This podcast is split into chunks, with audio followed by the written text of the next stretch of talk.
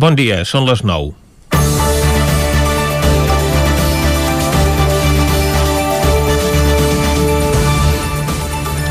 La pandèmia ha donat peu a més precarietat en un mercat laboral ja de per si molt inestable, en què tenir feina ja fa anys que no és garantia d'arribar a final de mes.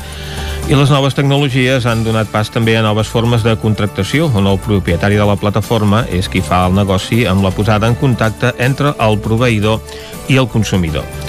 El confinament també ha provocat una major demanda dels serveis de venda en línia degut a aquesta situació o que s'ha decretat el tancament temporal de determinats establiments. Es pot dir que algunes plataformes estan fent el seu agost amb aquesta pandèmia i estem veient com van augmentant a tort i a dret el número de repartidors de tota mena de productes. Entre aquests hi ha els anomenats riders, els repartidors a domicili que es desplacen en bicicleta, amb moto o ara també en patinet elèctric i que cada cop anem veient més per tot tipus de ciutats. Es dediquen a traslladar petits paquets o comandes de menjar que la gent sol·licita a través d'alguna de les plataformes per les que treballen. Darrerament hem vist com aquest col·lectiu, cada cop més nombrós, s'organitzava per reclamar demandes laborals davant de la precarietat del règim a què són sotmesos. De fet, la gran majoria dels casos que han arribat a la justícia espanyola han acabat amb la mateixa resolució, que es trobaven en situació de falsos autònoms i en realitat són treballadors de les plataformes per les que presten els seus serveis. Fins i tot el Tribunal Suprem ha determinat que la relació entre el treballador i l'empresa té naturalesa jurídica amb una d'aquestes plataformes. Davant d'aquest escenari, el govern espanyol s'ha vist en la necessitat d'intervenir i sota l'amenaça de legislar en aquest sentit ha obligat a seure's a negociar a totes les parts implicades. El Ministeri de Treball està disposat a aprovar una norma que reguli el sector. De moment, ni patronal, ni sindicats, ni els propis treballadors han arribat encara a cap acord, però sembla que tot va ben encaminat. De fet, tampoc hi ha unitat entre els propis interessats, perquè mentre n'hi ha molts que estan agrupats en diferents associacions, altres prefereixen continuar sent autònoms. De moment, sembla que la llei se centrarà només en els repartidors de menjar a domicili, tot i que des del Ministeri s'apuntava la possibilitat que s'inclogués també els treballadors de plataformes digitals d'altres sectors, on la realitat és molt més diversa. El model que han aplicat altres països que estan més avançats en aquest sentit pot servir de marc de referència, però en qualsevol cas que el govern pressioni per regular aquest sector tan precari és una bona notícia. No fa gaires dies que a Barcelona mateix un d'aquests repartidors perdia la vida en un accident i del que es tracta és que la nova economia no provoqui una nova embossa de marginalitat. Comencem Territori 17, a la sintonia del 9 FM, la veu de Sant Joan, Ona Codinenca, Ràdio Cardedeu i el 9 TV. Territori 17, amb Vicenç Vigues i Jordi Sunyer.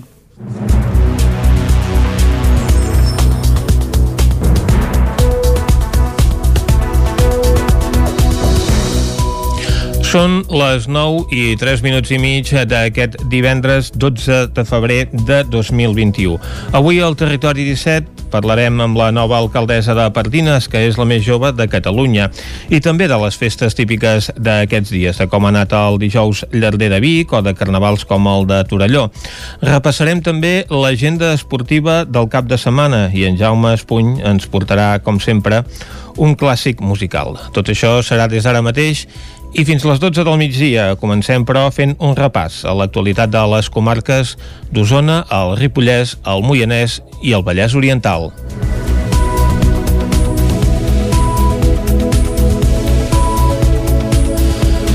Tot a punt perquè es pugui votar amb seguretat als set col·legis electorals de Vic. En total, 27.198 persones estan cridades a votar a Vic el pròxim diumenge 14 de febrer en un dels set col·legis electorals preparats perquè tothom pugui exercir el seu dret a vot amb total seguretat.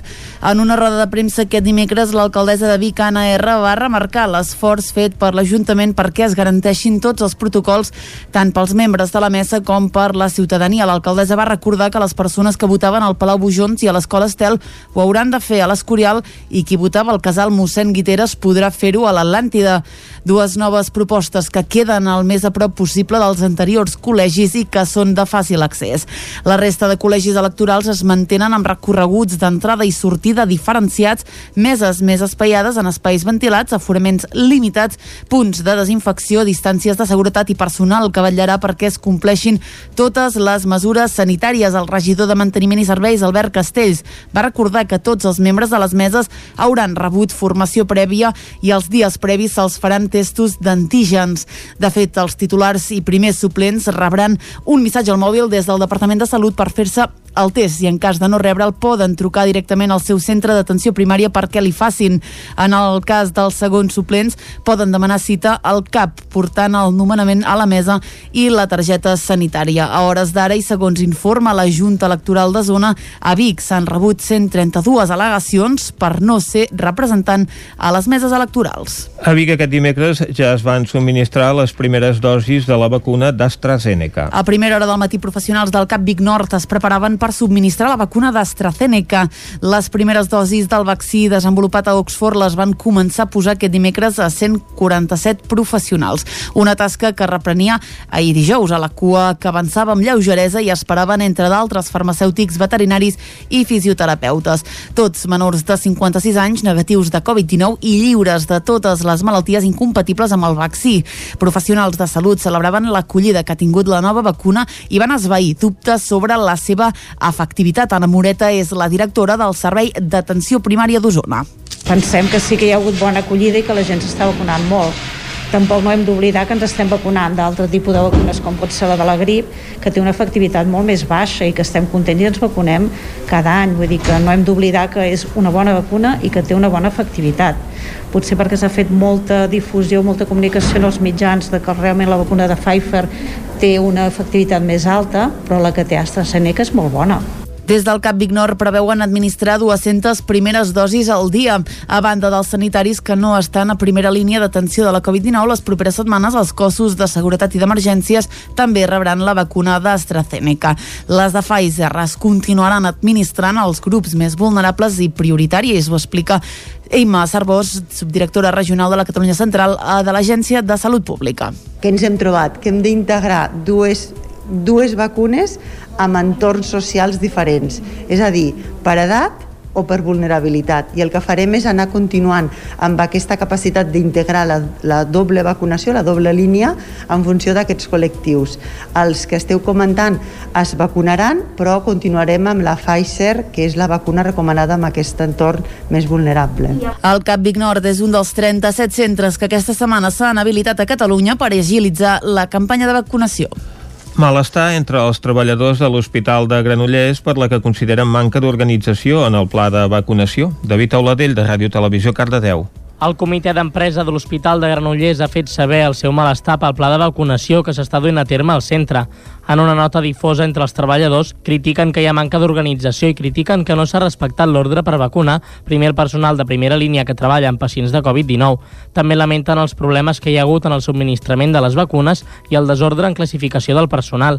La presidenta del comitè d'empresa, Fina Sánchez, ha declarat a Vallès Oriental Televisió que es va començar prioritzant el personal de primera línia, però després es vacunava tots els treballadors, fossin o no de primera línia.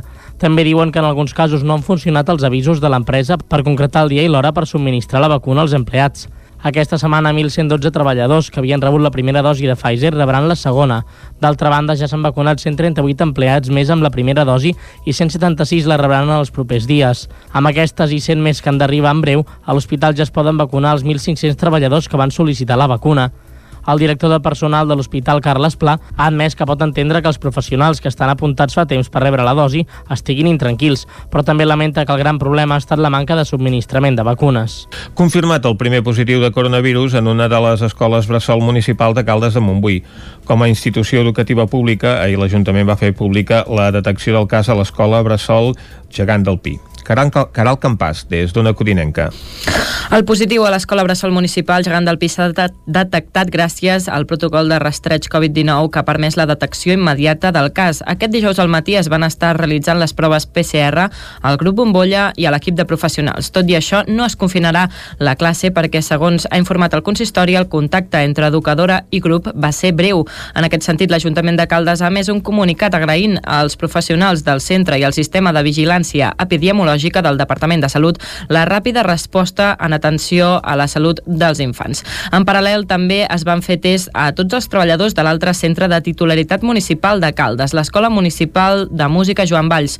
Tots els que han fet, tots els que s'han fet han donat negatius. Tot i això, en aquesta escola falta realitzar el test a dos docents, un que encara no havia de tenir contacte amb l'alumnat i un altre que s'havia fet la prova recentment i que ha esperat uns dies a repetir l'automostra.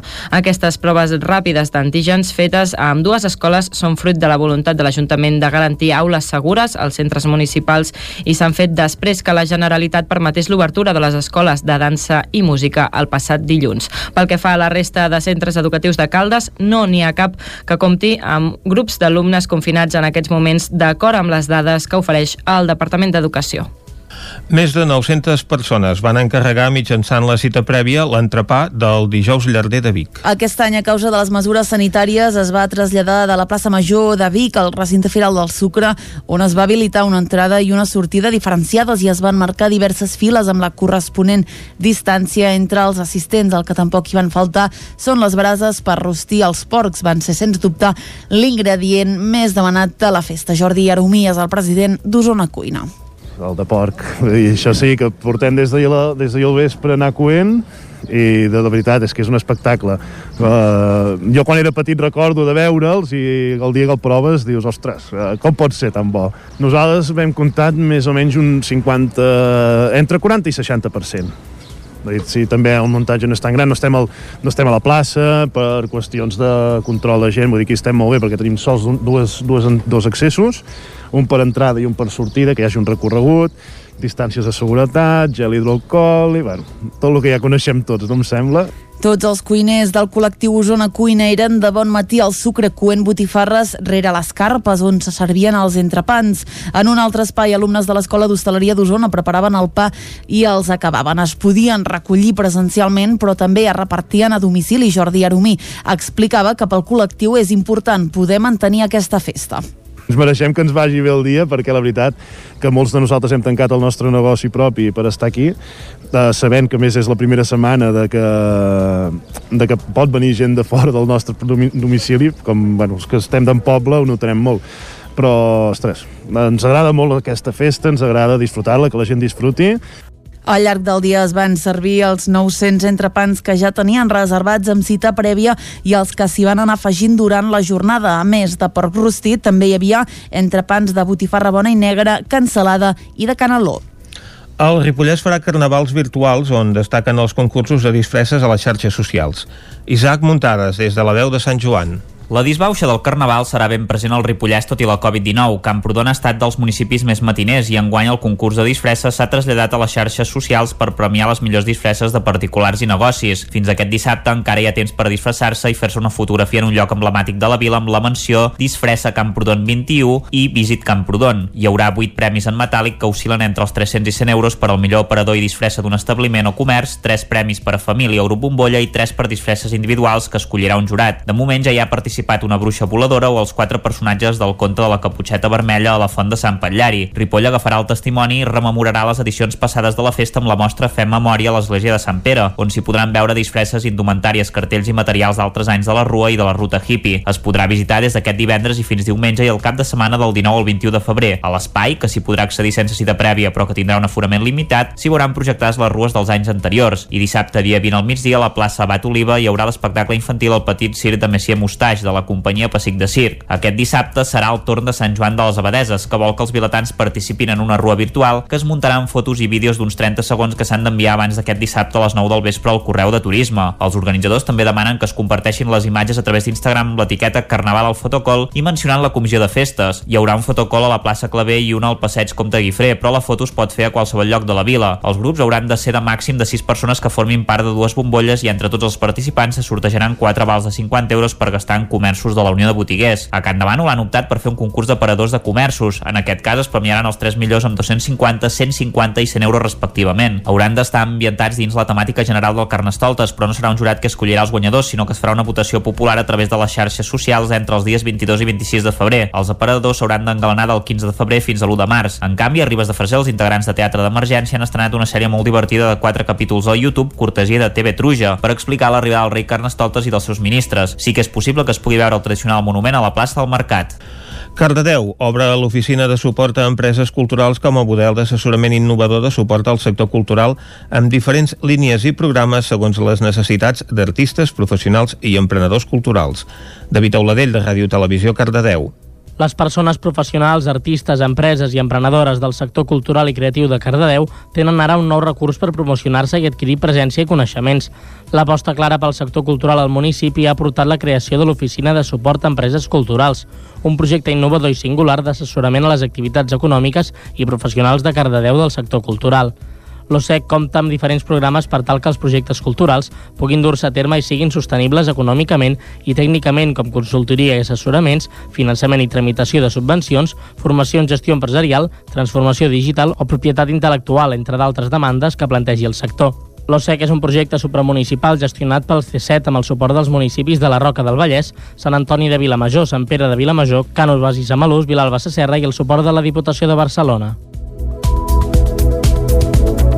I fins aquí aquest repàs a l'actualitat de les comarques del Vallès Oriental, el Moianès, el Ripollès i Osona que hem fet amb Clàudia Dinarès, Caral Campàs, David Auladell i Isaac Muntades. Ara arriba l'hora de fer una ullada al temps.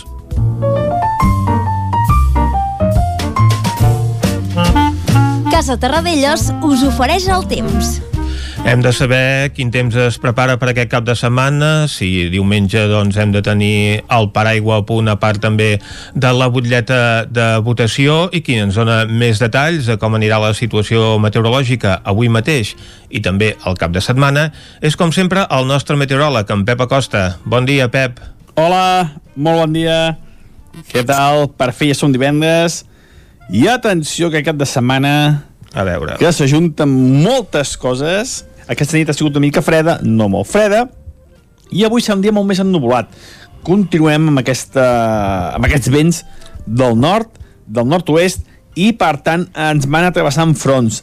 El d'avui de la tarda una mica actiu, sobretot cap a prelitorals zones interiors. Jo crec que poden acumular entre 5 i 10 litres, les temperatures baixaran.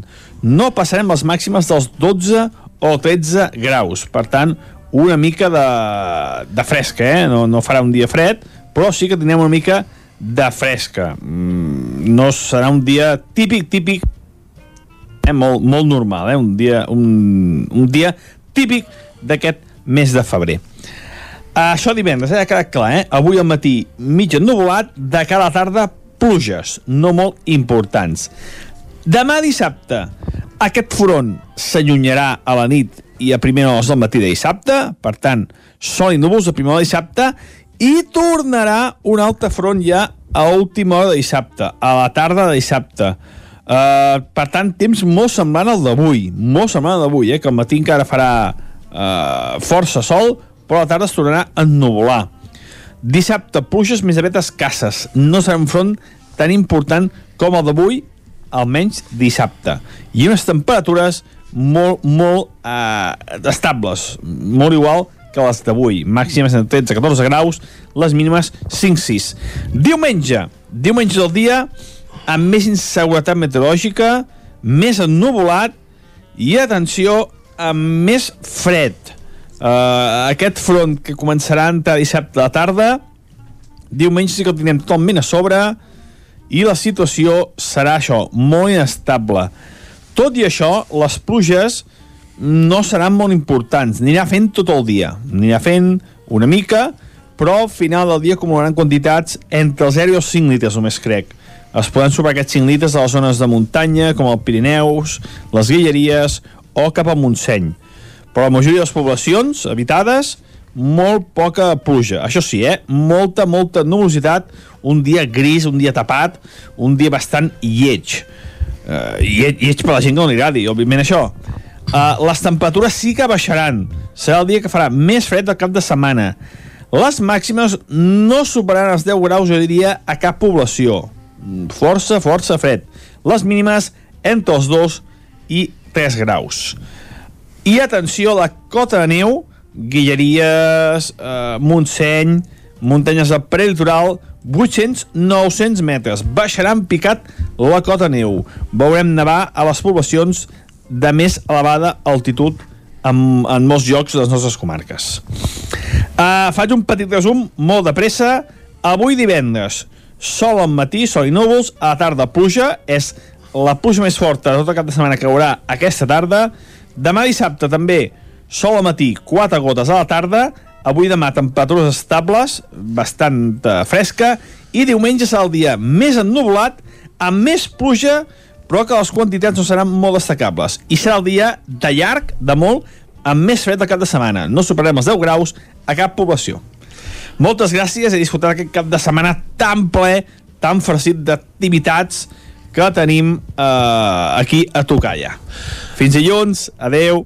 Moltes gràcies, Pep, però bé, no sé si en podrem gaudir gaire d'aquest cap de setmana amb aquesta previsió que ens has eh, dibuixat de fortes pluges aquesta tarda, però que també n'hi poden haver demà i demà passat, eh, fins i tot nevades en alguns punts, una situació que no convida precisament a sortir a votar, però, en fi, és l'esforç que haurem de fer per participar d'aquesta jornada electoral que s'ha convocat per diumenge. Hem fet una ullada a la situació meteorològica, ara nosaltres anirem cap al quiosc.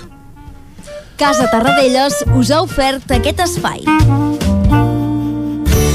Territori 17. Envia'ns les teves notes de veu per WhatsApp al 646 079 023. 646 079 023. WhatsApp Territori 17.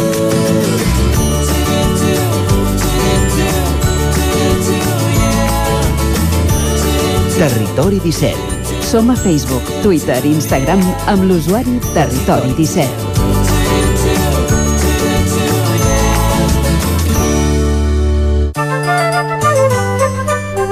Encaminem-nos ara cap al quiosc. Anem a fer un recull dels principals titulars dels diaris que han aparegut avui i com cada divendres el que fem és començar aquest recorregut amb les portades del 9-9. Clàudia. Bon dia de nou. Comencem concretament amb l'edició d'Osona i el Ripollès que diu tot a punt. Més de 130.000 usonencs i ripollesos estan citats diumenge a les eleccions al Parlament amb el dubte de la participació a la imatge mesures de seguretat per la Covid.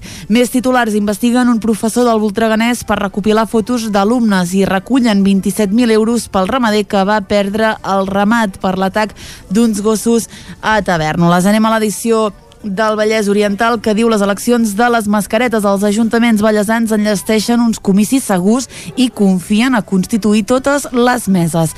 Més titulars, l'Hospital de Granollers estrena els nous mòduls per urgències i una dona morta i un ferit greu per un xoc frontal a la C35 a Llinars. Anem a veure què treuen en portada els diaris editats a Barcelona. Comencem, com sempre, amb el punt avui que diu el no amb Villa centra al final de la campanya el compromís dels partits independentistes de no pactar amb el PSC indigna a Illa. A la imatge obsessió per les pancartes, les juntes electorals han fet retirar desenes de pancartes i cartells a petició de Ciutadans i Vox i Laura Borràs, que diu que no tots els vots independentistes han servit per avançar. Al diari Ara, els avis vacunats o no podran començar a sortir de les residències. A la imatge, les joves científiques es reivindiquen i denunciat per abusos al capellà arxiver de la diòcesi de Tarragona. Al periòdico La Conjura Independentista contra el PSC segella els blocs. Barcelona, diu, recupera a gran velocitat el nivell de pol·lució anterior a la pandèmia. I a l'avantguàrdia, Sanitat proposa de reclutar metges jubilats i estudiants per vacunar. A la imatge, trinxerats al Capitoli ahir en la tercera jornada del segon impeachment a Trump, doncs es van poder veure unes imatges inèdites de la sala al Capitoli. En clau eh, d'eleccions, Illa demana el vot útil davant el veto dels independentistes. Repassem el que treuen en portada els diaris editats a Madrid. Comencem amb el país que diu l'independentisme a Illa, a Salvador Illa, per assegurar-se el govern. L'exministre equipara l'acord secessionista contra ell amb la foto de Colón. A, a Illa, precisament, el veiem a la imatge de la portada. Espanya espera, diu, 100 milions de dosis de tres noves vacunes. Anem Anem al Mundo que diu diplomàtics acusen a Pablo Iglesias d'ajudar a qui danya a Espanya. Arzac i 800 hostalers es rebel·len contra el tancament d'Urcullo i més de 150.000 hospitalitzats per Covid-19 des del passat estiu. A la Razón, Sanitat reconeix ara la lleialtat de la soca, eh, perdoneu, la letalitat de la soca britànica. A la imatge del pacte antilla diu a la bronca del PCR i Brussel·les pronostica una onada de fallides massives. Acabem, com sempre, amb l'ABC, que diu Brussel·les avisa sense reformes no hi haurà inversió. També diu que el Senat continua esperant a Pedro Sánchez. Estem a les últimes hores de la campanya electoral i a aquesta actualitat d'última hora s'hi refereixen doncs, molts dels eh, diaris que s'editen avui, començant pel 9-9 mateix, amb aquesta fotografia de portada dels preparatius d'una mesa electoral en aquesta situació de pandèmia, en totes les mesures de seguretat doncs, que s'han de prendre. És la fotografia que apareix a la portada del 9-9 d'Osona i el Ripollès, però si anem a l'edició del Vallès Oriental, el que hi veiem és una fotografia amb els candidats dels diferents partits que es presenten en aquestes eleccions, entre ells candidats, evidentment, del Vallès Oriental, entre els quals hi ha el candidat a la presidència pel PSC, Salvador Illa, i també els consellers Meritxell Budó i Shakir El Homrani. Els diaris catalans, evidentment, doncs, estan enfocant l'actualitat també amb aquesta eh, finalització de la campanya electoral i aquestes tensions entre els diferents grups que es presenten. També s'hi refereix a aquesta actualitat política a Catalunya, al país, amb aquesta fotografia de Salvador Illa sol a la seu del Partit Socialista una fotografia presa aquesta setmana en què posa de manifest, doncs, com diu el seu titular, que l'independentisme aïlla a illa per assegurar-se al govern. I fins i tot a la Razón veiem doncs, els candidats, els nou candidats que van participar en el debat ahir de la Sexta, una televisió d'aquest grup de comunicació. En d'altres eh, diaris també veiem imatges curioses com la del periòdico que ens ofereix aquesta vista que es va prendre ahir des de l'Observatori Fabra de Barcelona on es veu la illa de Mallorca tot i que el titular que l'acompanya doncs és que Barcelona recupera a gran velocitat el nivell de pol·lució que hi havia abans de la pandèmia. Hem fet un recorregut a les portades dels diaris, quines són les principals notícies que ens ofereixen avui a la seva primera pàgina. Ara arriba l'hora de fer una petita pausa i tornem tot seguit.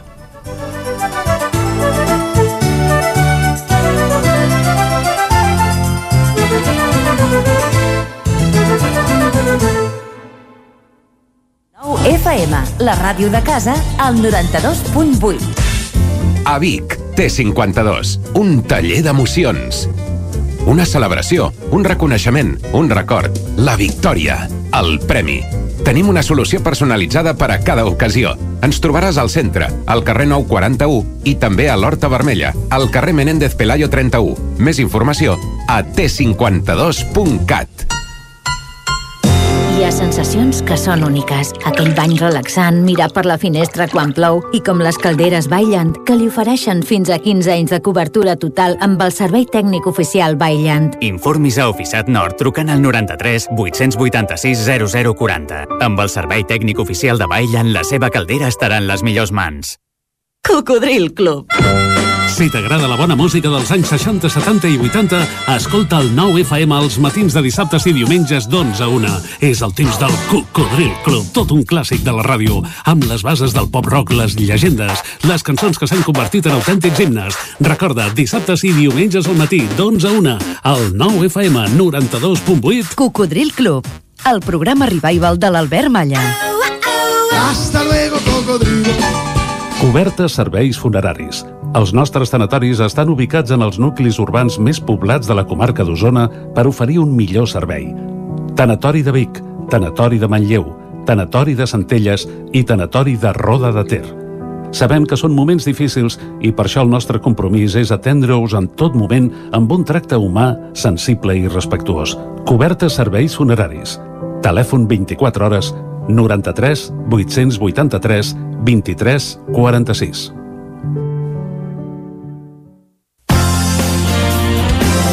El 9 FM, la ràdio de casa, al 92.8. Estudi fotogràfic. Nosaltres et lloguem el plató amb tot tipus de decorats i tu fas les fotos per només 18 euros l'hora. Per comunions, aniversaris, bucs, embarassades, nounats, suport rotatiu per fer vídeos de TikTok i molt més. Per Sant Valentí regala un val per només 18 euros i tindràs un bon record fotogràfic. Ens trobaràs al carrer de Sant Tomàs 4 de Calldetenes al telèfon 640 56 0310 i també a Instagram i a Facebook. Pepeta Vilaró. Menjar a domicili per a gent gran. Menús saludables i adaptats segons les seves necessitats. Per viure més temps a casa amb millor salut i qualitat de vida. Informa-te'n al 931 31 71 81 o a pepetavilaró.cat. Pepeta Vilaró. La salut i el benestar dels nostres avis comença per cuidar el que mengen. El nou FM, el nou FM, el nou FM, el nou FM. Territori 17, amb Vicenç Vigues i Jordi Sunyer. Thank you. Són dos quarts de deu d'aquest divendres 12 de febrer, vigília de Carnavals, és un dels temes que parlarem avui al Territori 17, també de com va anar la celebració del dijous llarder. Avui entrevistarem també a la nova alcaldessa de Pardines, però ara és hora de fer un repàs a l'actualitat de les comarques del Ripollès, Osona, el Moianès i el Vallès Oriental.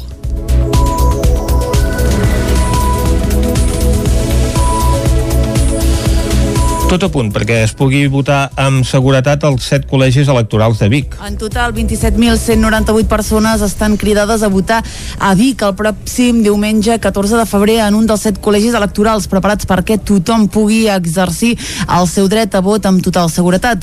En una roda de premsa aquest dimecres, l'alcaldessa de Vic, Anna R, va remarcar l'esforç fet per l'Ajuntament perquè es garanteixin tots els protocols tant pels membres de la mesa com per la ciutadania. L'alcaldessa va recordar que les persones que votaven al Palau Bujons i a l'Escola Estel ho hauran de fer a l'Escorial i qui votava al casal mossèn Guiteres podrà fer-ho a l'Atlàntida.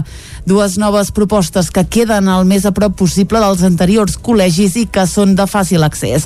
La resta de col·legis electorals es mantenen amb recorreguts d'entrada i sortida diferenciats, meses més espaiades en espais ventilats, aforaments limitats, punts de desinfecció, distàncies de seguretat i personal que vetllarà perquè es compleixin totes les mesures sanitàries. El regidor de Manteniment i Serveis, Albert Castells, va recordar que tots els membres de les meses hauran rebut formació prèvia i els dies previs se'ls faran testos d'antígens.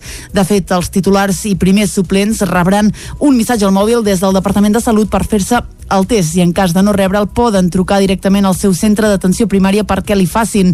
En el cas dels segons suplents poden demanar cita al CAP portant el nomenament a la mesa i la targeta sanitària. A hores d'ara i segons informa la Junta Electoral de Zona, a Vic s'han rebut 132 al·legacions per no ser representant a les meses electorals. A Vic aquest dimecres ja es van subministrar les primeres dosis de la vacuna d'AstraZeneca. A primera hora del matí, professionals del CAP Vic Nord es preparaven per subministrar la vacuna d'AstraZeneca.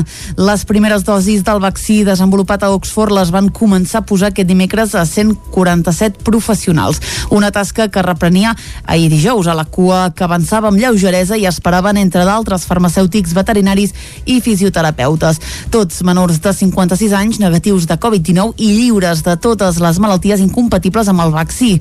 Professionals de salut celebraven l'acollida que ha tingut la nova vacuna i van esvair dubtes sobre la seva efectivitat. Anna Moreta és la directora del Servei d'Atenció Primària d'Osona.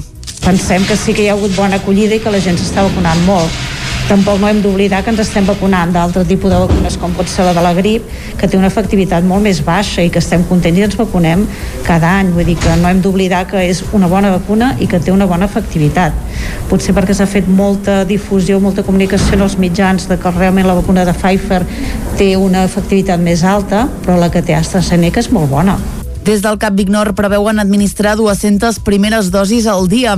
A banda dels sanitaris que no estan a primera línia d'atenció de la Covid-19, les properes setmanes els cossos de seguretat i d'emergències també rebran la vacuna d'AstraZeneca. Les de Pfizer es continuaran administrant als grups més vulnerables i prioritaris, ho explica Eima Sarbós, subdirectora regional de la Catalunya Central eh, de l'Agència de Salut Pública. Que ens hem trobat? Que hem d'integrar dues dues vacunes amb entorns socials diferents. És a dir, per edat o per vulnerabilitat. I el que farem és anar continuant amb aquesta capacitat d'integrar la, la doble vacunació, la doble línia, en funció d'aquests col·lectius. Els que esteu comentant es vacunaran, però continuarem amb la Pfizer, que és la vacuna recomanada en aquest entorn més vulnerable. El CAP Vic Nord és un dels 37 centres que aquesta setmana s'han habilitat a Catalunya per agilitzar la campanya de vacunació. Malestar entre els treballadors de l'Hospital de Granollers per la que consideren manca d'organització en el pla de vacunació. David Auladell, de Ràdio Televisió, Cardedeu. El comitè d'empresa de l'Hospital de Granollers ha fet saber el seu malestar pel pla de vacunació que s'està duent a terme al centre. En una nota difosa entre els treballadors, critiquen que hi ha manca d'organització i critiquen que no s'ha respectat l'ordre per vacunar primer el personal de primera línia que treballa amb pacients de Covid-19. També lamenten els problemes que hi ha hagut en el subministrament de les vacunes i el desordre en classificació del personal. La presidenta del comitè d'empresa, Fina Sánchez, ha declarat a Vallès Oriental Televisió que es va començar prioritzant el personal de primera línia, però després es vacunava tots els treballadors, fossin o no de primera línia. També diuen que en alguns casos no han funcionat els avisos de l'empresa per concretar el dia i l'hora per subministrar la vacuna als empleats.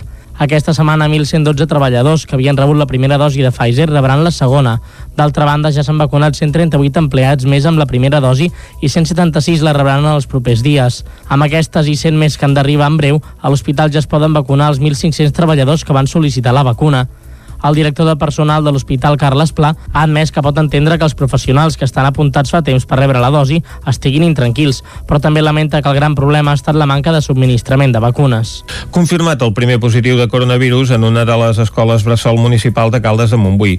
Com a institució educativa pública, ahir l'Ajuntament va fer pública la detecció del cas a l'escola Bressol Gegant del Pi. Caral, Campàs, des d'una Codinenca.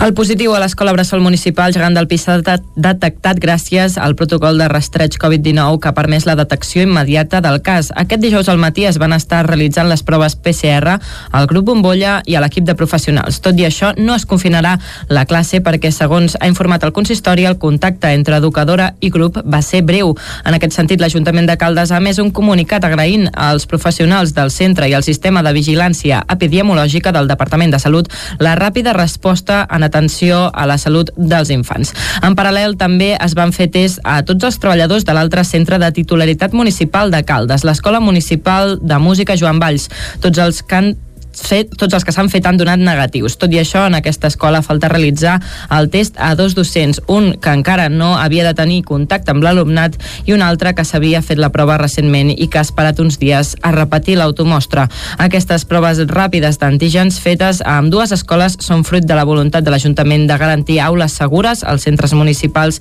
i s'han fet després que la Generalitat permetés l'obertura de les escoles de dansa i música el passat dilluns. Pel que fa a la resta de centres educatius de Caldes, no n'hi ha cap que compti amb grups d'alumnes confinats en aquests moments d'acord amb les dades que ofereix el Departament d'Educació. Més de 900 persones van encarregar mitjançant la cita prèvia l'entrepà del dijous llarder de Vic. Aquest any, a causa de les mesures sanitàries, es va traslladar de la plaça Major de Vic al recinte firal del Sucre, on es va habilitar una entrada i una sortida diferenciades i es van marcar diverses files amb la corresponent distància entre els assistents. El que tampoc hi van faltar són les brases per rostir els porcs. Van ser, sens dubte, l'ingredient més demanat a la festa. Jordi Aromí és el president d'Osona Cuina el de porc. I això sí, que portem des d'ahir de al vespre anar coent i de, de veritat és que és un espectacle. Uh, jo quan era petit recordo de veure'ls i el dia que el proves dius, ostres, uh, com pot ser tan bo? Nosaltres vam comptat més o menys un 50 entre 40 i 60% Sí, també el muntatge no és tan gran, no estem, al, no estem a la plaça per qüestions de control de gent, vull dir que estem molt bé perquè tenim sols dues, dues, dos accessos, un per entrada i un per sortida, que hi hagi un recorregut, distàncies de seguretat, gel hidroalcohol, i bueno, tot el que ja coneixem tots, no em sembla, tots els cuiners del col·lectiu Osona Cuina eren de bon matí al sucre coent botifarres rere les carpes on se servien els entrepans. En un altre espai, alumnes de l'Escola d'Hostaleria d'Osona preparaven el pa i els acabaven. Es podien recollir presencialment, però també es repartien a domicili. Jordi Aromí explicava que pel col·lectiu és important poder mantenir aquesta festa ens mereixem que ens vagi bé el dia perquè la veritat que molts de nosaltres hem tancat el nostre negoci propi per estar aquí. Eh, sabent que més és la primera setmana de que, de que pot venir gent de fora del nostre domicili. Com bueno, els que estem d'en poble ho notarem molt. Però, ostres, ens agrada molt aquesta festa, ens agrada disfrutar-la, que la gent disfruti, al llarg del dia es van servir els 900 entrepans que ja tenien reservats amb cita prèvia i els que s'hi van anar afegint durant la jornada. A més de porc rostit, també hi havia entrepans de botifarra bona i negra, cansalada i de caneló. El Ripollès farà carnavals virtuals on destaquen els concursos de disfresses a les xarxes socials. Isaac Muntades, des de la veu de Sant Joan. La disbauxa del Carnaval serà ben present al Ripollès tot i la Covid-19. Camprodon ha estat dels municipis més matiners i enguany el concurs de disfresses s'ha traslladat a les xarxes socials per premiar les millors disfresses de particulars i negocis. Fins aquest dissabte encara hi ha temps per disfressar-se i fer-se una fotografia en un lloc emblemàtic de la vila amb la menció Disfressa Camprodon 21 i Visit Camprodon. Hi haurà 8 premis en metàl·lic que oscil·len entre els 300 i 100 euros per al millor operador i disfressa d'un establiment o comerç, 3 premis per a família o grup bombolla i 3 per disfresses individuals que escollirà un jurat. De moment ja hi ha participat una bruixa voladora o els quatre personatges del conte de la caputxeta vermella a la font de Sant Patllari. Ripoll agafarà el testimoni i rememorarà les edicions passades de la festa amb la mostra Fem Memòria a l'església de Sant Pere, on s'hi podran veure disfresses indumentàries, cartells i materials d'altres anys de la Rua i de la Ruta Hippie. Es podrà visitar des d'aquest divendres i fins diumenge i el cap de setmana del 19 al 21 de febrer. A l'espai, que s'hi podrà accedir sense cita prèvia però que tindrà un aforament limitat, s'hi veuran projectades les rues dels anys anteriors. I dissabte, dia 20 al migdia, a la plaça Abat Oliva hi haurà l'espectacle infantil El Petit Circ de Messia Mustaix de la companyia Pessic de Circ. Aquest dissabte serà el torn de Sant Joan de les Abadeses, que vol que els vilatans participin en una rua virtual que es muntarà amb fotos i vídeos d'uns 30 segons que s'han d'enviar abans d'aquest dissabte a les 9 del vespre al correu de turisme. Els organitzadors també demanen que es comparteixin les imatges a través d'Instagram amb l'etiqueta Carnaval al fotocol i mencionant la comissió de festes. Hi haurà un fotocol a la plaça Clavé i una al passeig Comte Guifré, però la foto es pot fer a qualsevol lloc de la vila. Els grups hauran de ser de màxim de 6 persones que formin part de dues bombolles i entre tots els participants se sortejaran 4 vals de 50 euros per gastar en comerços de la Unió de Botiguers. A Can Davant han optat per fer un concurs de paradors de comerços. En aquest cas es premiaran els 3 millors amb 250, 150 i 100 euros respectivament. Hauran d'estar ambientats dins la temàtica general del Carnestoltes, però no serà un jurat que escollirà els guanyadors, sinó que es farà una votació popular a través de les xarxes socials entre els dies 22 i 26 de febrer. Els aparadors s'hauran d'engalanar del 15 de febrer fins a l'1 de març. En canvi, a Ribes de Freser, els integrants de Teatre d'Emergència han estrenat una sèrie molt divertida de 4 capítols al YouTube, cortesia de TV Truja, per explicar l'arribada del rei Carnestoltes i dels seus ministres. Sí que és possible que es pugui veure el tradicional monument a la plaça del Mercat. Cardedeu obre l'oficina de suport a empreses culturals com a model d'assessorament innovador de suport al sector cultural amb diferents línies i programes segons les necessitats d'artistes, professionals i emprenedors culturals. David Auladell, de Ràdio Televisió, Cardedeu. Les persones professionals, artistes, empreses i emprenedores del sector cultural i creatiu de Cardedeu tenen ara un nou recurs per promocionar-se i adquirir presència i coneixements. L'aposta clara pel sector cultural al municipi ha portat la creació de l'Oficina de Suport a Empreses Culturals, un projecte innovador i singular d'assessorament a les activitats econòmiques i professionals de Cardedeu del sector cultural.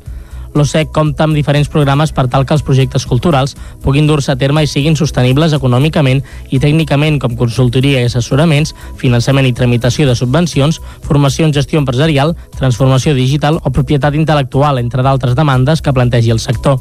L'OSEC és un projecte supramunicipal gestionat pel C7 amb el suport dels municipis de la Roca del Vallès, Sant Antoni de Vilamajor, Sant Pere de Vilamajor, Cànols Bas i Samalús, Vilalba Sasserra i el suport de la Diputació de Barcelona.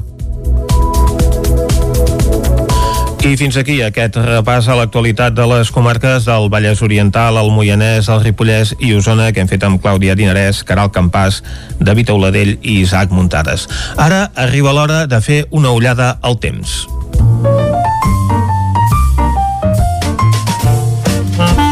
Casa Terradellos us ofereix el temps.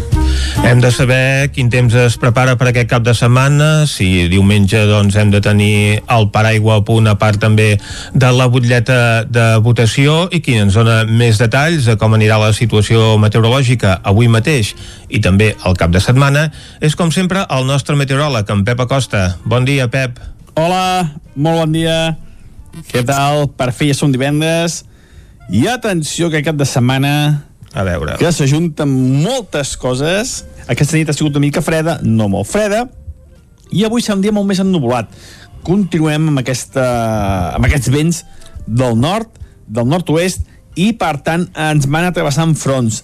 El d'avui de la tarda una mica actiu, sobretot cap a prelitorals zones interiors. Jo crec que poden acumular entre 5 i 10 litres, les temperatures baixaran. No passarem les màximes dels 12 o 13 graus. Per tant, una mica de, de fresc, eh? No, no farà un dia fred, però sí que tindrem una mica de fresca. Mm, no serà un dia típic, típic, eh, molt, molt normal, eh? un, dia, un, un dia típic d'aquest mes de febrer. Això divendres, eh, ha quedat clar, eh? Avui al matí mig ennuvolat, de cara a la tarda pluges, no molt importants. Demà dissabte, aquest front s'allunyarà a la nit i a primera hora del matí de dissabte, per tant, sol i núvols a primera hora de dissabte, i tornarà un altre front ja a última hora de dissabte, a la tarda de dissabte. Uh, per tant, temps molt semblant al d'avui, molt semblant al d'avui, eh, que al matí encara farà uh, força sol, però a la tarda es tornarà a ennuvolar. Dissabte, pluges més aviat escasses. No serà un front tan important com el d'avui, almenys dissabte. I unes temperatures molt, molt eh, estables, molt igual que les d'avui. Màximes entre 13 a 14 graus, les mínimes 5-6. Diumenge, diumenge del dia, amb més inseguretat meteorològica, més ennuvolat i, atenció, amb més fred. Uh, aquest front que començarà a entrar dissabte a la tarda, diumenge sí que el tindrem totalment a sobre i la situació serà això, molt inestable. Tot i això, les pluges no seran molt importants, anirà fent tot el dia, anirà fent una mica, però al final del dia acumularan quantitats entre els 0 i els 5 litres, només crec. Es poden superar aquests 5 litres a les zones de muntanya, com el Pirineus, les Guilleries o cap al Montseny però la majoria de les poblacions habitades molt poca pluja. Això sí, eh? Molta, molta nubositat, un dia gris, un dia tapat, un dia bastant lleig. Uh, lleig, lleig per la gent que no li agradi, òbviament això. Uh, les temperatures sí que baixaran. Serà el dia que farà més fred del cap de setmana. Les màximes no superaran els 10 graus, jo diria, a cap població. Força, força fred. Les mínimes entre els 2 i 3 graus. I atenció, la cota de neu, Guilleries, eh, Montseny, muntanyes del prelitoral, 800-900 metres. Baixarà en picat la cota neu. Veurem nevar a les poblacions de més elevada altitud en, en molts llocs de les nostres comarques. Uh, faig un petit resum, molt de pressa.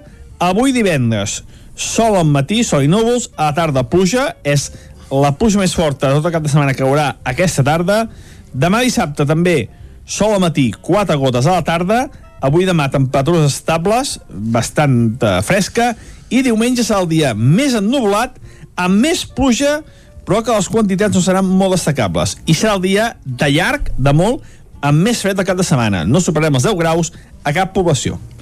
Moltes gràcies i disfrutar aquest cap de setmana tan ple, tan farcit d'activitats, que tenim eh, aquí a Tocalla. Fins dilluns, adeu. Moltes gràcies, Pep, però bé, no sé si en podrem gaudir gaire d'aquest cap de setmana amb aquesta previsió que ens has eh, dibuixat de fortes pluges aquesta tarda, però que també n'hi poden haver demà i demà passat, eh, fins i tot nevades en alguns punts, una situació que no convida precisament a sortir a votar, però, en fi, és l'esforç que haurem de fer per participar d'aquesta jornada electoral que s'ha convocat per diumenge. Hem fet una ullada a la situació meteorològica, ara nosaltres anirem cap al quiosc. Casa Tarradellas us ha ofert aquest espai. Territori 17. Envia'ns les teves notes de veu per WhatsApp al 646 079 023. 646 079 023. WhatsApp Territori 17.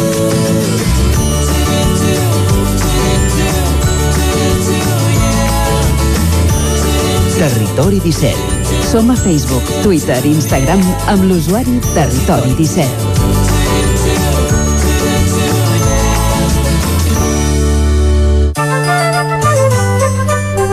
Encaminem-nos ara cap al quiosc. Anem a fer un recull dels principals titulars dels diaris que han aparegut avui i com cada divendres el que fem és començar aquest recorregut amb les portades del 9-9. Clàudia. Bon dia de nou. Comencem concretament amb l'edició d'Osona i el Ripollès que diu tot a punt. Més de 130.000 usonencs i ripollesos estan citats diumenge a les eleccions al Parlament amb el dubte de la participació a la imatge mesures de seguretat per la Covid. Més titulars investiguen un professor del Voltreganès per recopilar fotos d'alumnes i recullen 27.000 euros pel ramader que va perdre el ramat per l'atac d'uns gossos a Tavernoles. Anem a l'edició del Vallès Oriental que diu les eleccions de les mascaretes als ajuntaments ballesans enllesteixen uns comicis segurs i confien a constituir totes les meses. Més titulars, l'Hospital de Granollers estrena els nous mòduls per urgències i una dona morta i un ferit greu per un xoc frontal a la C35 a Llinars. Anem a veure què treuen en portada els diaris editats a Barcelona. Comencem, com sempre, amb el punt avui que diu el no en Villa centra al final de la campanya el compromís dels partits independentistes de no pactar amb el PSC indigna a Illa. A la imatge obsessió per les pancartes, les juntes electorals han fet retirar desenes de pancartes i cartells a petició de Ciutadans i Vox i Laura Borràs, que diu que no tots els vots independentistes han servit per avançar. El diari Ara, els avis vacunats o no podran començar a sortir de les residències. A la imatge, les joves científiques es reivindiquen i denunciat per abusos el capellà arxiver de la diòcesi de Tarragona. El periòdico La Conjura Independentista contra el PSC segella els blocs. Barcelona, diu, recupera a gran velocitat el nivell de pol·lució anterior a la pandèmia. I a l'avantguàrdia, Sanitat proposa de reclutar metges jubilats i estudiants per vacunar. A la imatge, trinxerats al Capitoli ahir en la tercera jornada del segon impeachment a Trump, doncs es van poder veure unes imatges inèdites de la sala al Capitoli. En clau eh, d'eleccions, Illa demana el vot útil davant el veto dels independentistes. Repassem el que treuen en portada els diaris editats a Madrid. Comencem amb el país, que diu l'independentisme a Illa, a Salvador Illa, per assegurar-se el govern. L'exministre equipara l'acord secessionista contra ell amb la foto de Colón. A, a Illa, precisament, el veiem a la imatge de la portada. Espanya espera, diu, 100 milions de dosis de tres noves vacunes. Anem al Mundo, que diu diplomàtics acusen a Pablo Iglesias d'ajudar a qui danya a Espanya. Arzak i 800 hostalers es rebel·len contra el tancament d'Urcullo i més de 150.000 hospitalitzats per Covid-19 des del passat estiu. A la Razón, Sanitat reconeix ara la lleialtat de la soca, eh, perdoneu, la letalitat de la soca britànica. A la imatge del pacte anti-illa diu a la bronca del PCR i Brussel·les pronostica una onada de fallides massives. Acabem, com sempre, amb l'ABC, que diu Brussel·les avisa sense reformes no hi haurà inversió. També diu que el Senat continua esperant a Pedro Sánchez. Estem a les últimes hores de la campanya electoral i aquesta actualitat d'última hora s'hi refereixen doncs, molts dels eh, diaris que s'editen avui, començant pel 9-9 mateix, amb aquesta fotografia de portada dels preparatius d'una mesa electoral en aquesta situació de pandèmia, en totes les mesures de seguretat doncs, que s'han de prendre. És la fotografia que apareix a la portada del 9-9 d'Osona i el Ripollès, però si anem a l'edició del Vallès Oriental, el que hi veiem és una fotografia amb els candidats dels diferents partits que es presenten en aquestes eleccions, entre ells candidats, evidentment, del Vallès Oriental, entre els quals hi ha el candidat a la presidència pel PSC, Salvador Illa, i també els consellers Meritxell Budó i Shakir El Homrani. Els diaris catalans, evidentment, doncs, estan enfocant l'actualitat també amb aquesta eh, finalització de la campanya electoral i aquestes tensions entre els diferents grups que es presenten. També s'hi refereix a aquesta actualitat política a Catalunya al país amb aquesta fotografia de Salvador Illa sol a la seu del Partit Socialista una fotografia presa aquesta setmana en què posa de manifest doncs, com diu el seu titular, que l'independentisme aïlla, a illa per assegurar-se al govern. I fins i tot a la Razón veiem doncs, els candidats, els nou candidats que van participar en el debat ahir de la Sexta, una televisió d'aquest grup de comunicació en d'altres eh, diaris també veiem imatges curioses com la del periòdico que ens ofereix aquesta vista que es va prendre ahir des de l'Observatori Fabra de Barcelona on es veu la illa de Mallorca tot i que el titular que l'acompanya doncs és que Barcelona recupera a gran velocitat el nivell de pol·lució que hi havia abans de la pandèmia. Hem fet un recorregut a les portades dels diaris, quines són les principals notícies que ens ofereixen avui a la seva primera pàgina. Ara arriba l'hora de fer una petita pausa i tornem tot seguit.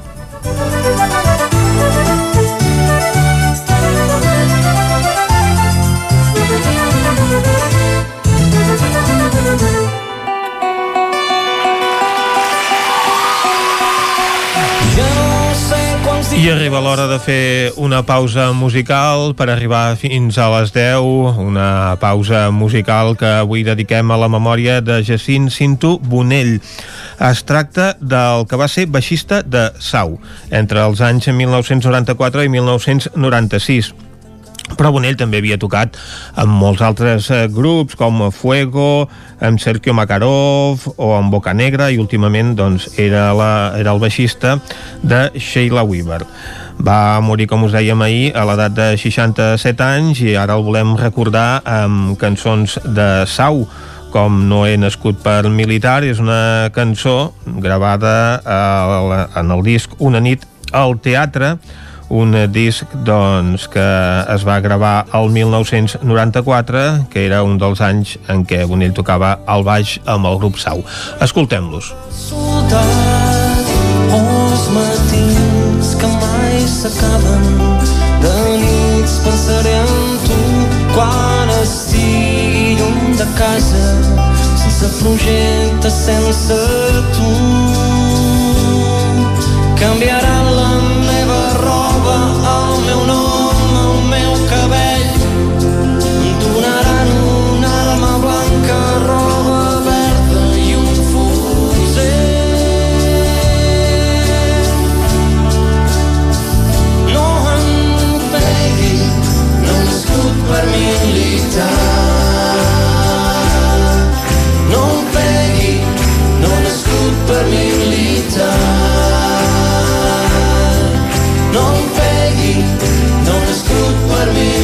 done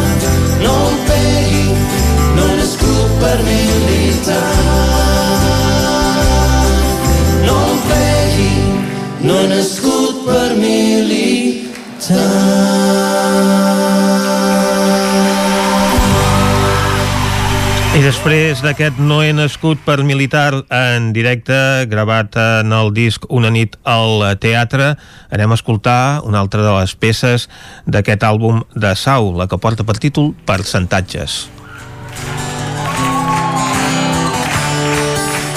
He marxat a tantes ciutats, m'hagués pogut quedar. He deixat tanta gent, podia haver estimat. No recordo quan vaig començar, s'ha fet llarg el camí. Però avui s'ha acabat, estic cansat, no vull marxar mai més d'aquí. Fa tant temps que estic així, porto tantes nits sense dormir. És que encara no he donat tot el que tinc. Que encara no he perdut tot el que tinc. Aquesta nit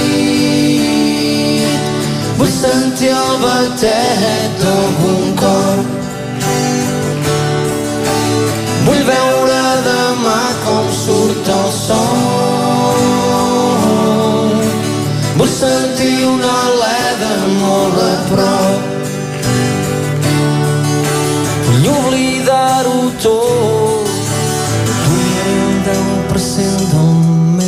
món aquesta nit.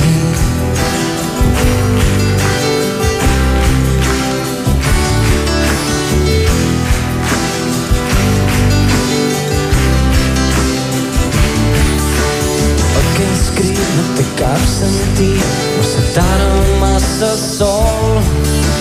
No tinc sort en aquesta nit que et veig molt a poc a poc. He llegit en el vida és de veritat. No hem vingut aquí per somiar, això ho atenem més tard.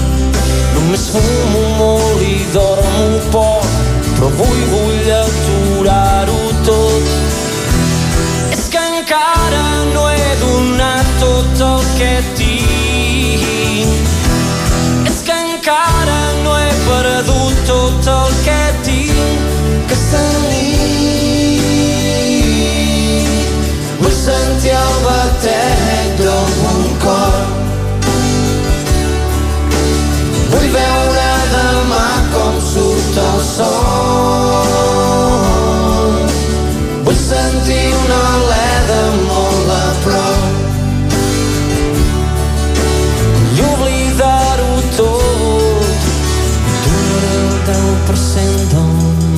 Amor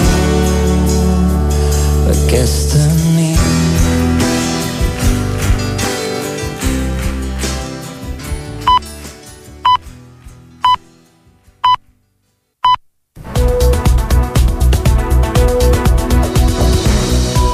És hora ara al territori 17 de fer un repàs a l'actualitat de les comarques del Moianès, el Ripollès, Osona i el Vallès Oriental.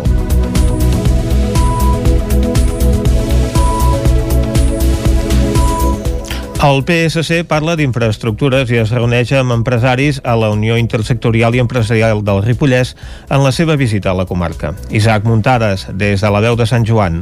Després de dues visites més discretes, aquest dijous el PSC va venir al Ripollès per tercera vegada durant aquesta campanya electoral amb el número 2 de la llista per la demarcació de Girona, Òscar Aparicio, i el diputat al Congrés a Madrid, Marc Lamois. En aquesta visita els socialistes van aprofitar per parlar d'infraestructures i de promoció econòmica amb els empresaris de la comarca i representants dels distribuïdors de productes d'alimentació a la Unió Intersectorial Empresarial del Ripollès, on també hi van participar altres membres del partit via telemàtica. Aparicio va explicar que les infraestructures són claus pel desenvolupament de la comarca. amb tot el túnel de Tosses, que les obres estan a bon ritme. És veritat que tres mesos per, so, per sota el calendari que teníem previst, però que s'acabaran. Totes les millors en rodalies, l'R3, que hem de fer, però no només amb infraestructures, perquè això és una punta, sinó també totes aquelles infraestructures de telecomunicacions, que són molt i molt importants pel futur i que, en aquest cas, amb els fons eh, Next Generation d'Europa, ens provoquen, doncs, tenim aquí una porta oberta a millorar tota la connectivitat. Per tant, és una oportunitat de futur que, que venim a explicar i que entenem doncs, que ha de ser on hem d'anar totes les, les administracions per millorar aquesta qualitat de vida.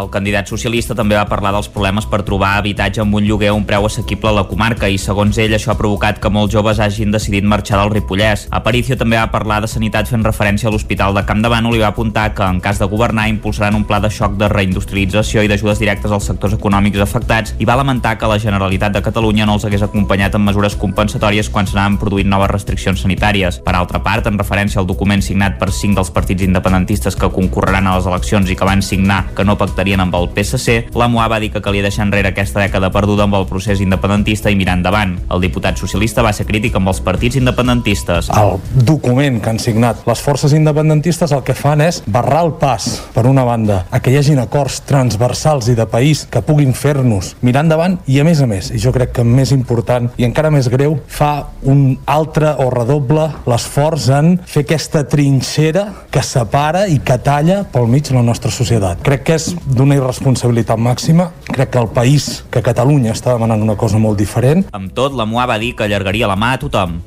El candidat en Comú Podem a Osona, Marc Parés, va presentar dimecres les línies del programa en les polítiques ambientals. Parés, acompanyat de Eloi Badia, regidor de Transició Ecològica de l'Ajuntament de Barcelona, va parlar dels tres aspectes centrals d'aquest àmbit. D'una banda, va parlar de frenar la contaminació atmosfèrica i els alts nivells d'ozó que arriben a Osona amb una millor mobilitat del desdoblament de la R3 i desplegar un pla de mobilitat sostenible per connectar els diferents municipis de la comarca Marc Parés millorar la mobilitat dintre dels nostres, de les nostres ciutats també mitjanes. No? I aleshores aquí Vic tenim encara molta feina per fer des del punt de vista de la mobilitat sostenible, de la mobilitat en bicicleta i a la comarca, com us deia, doncs, també des de la perspectiva de la connexió dels diferents nuclis de, de població, de la connexió també amb, amb autobús.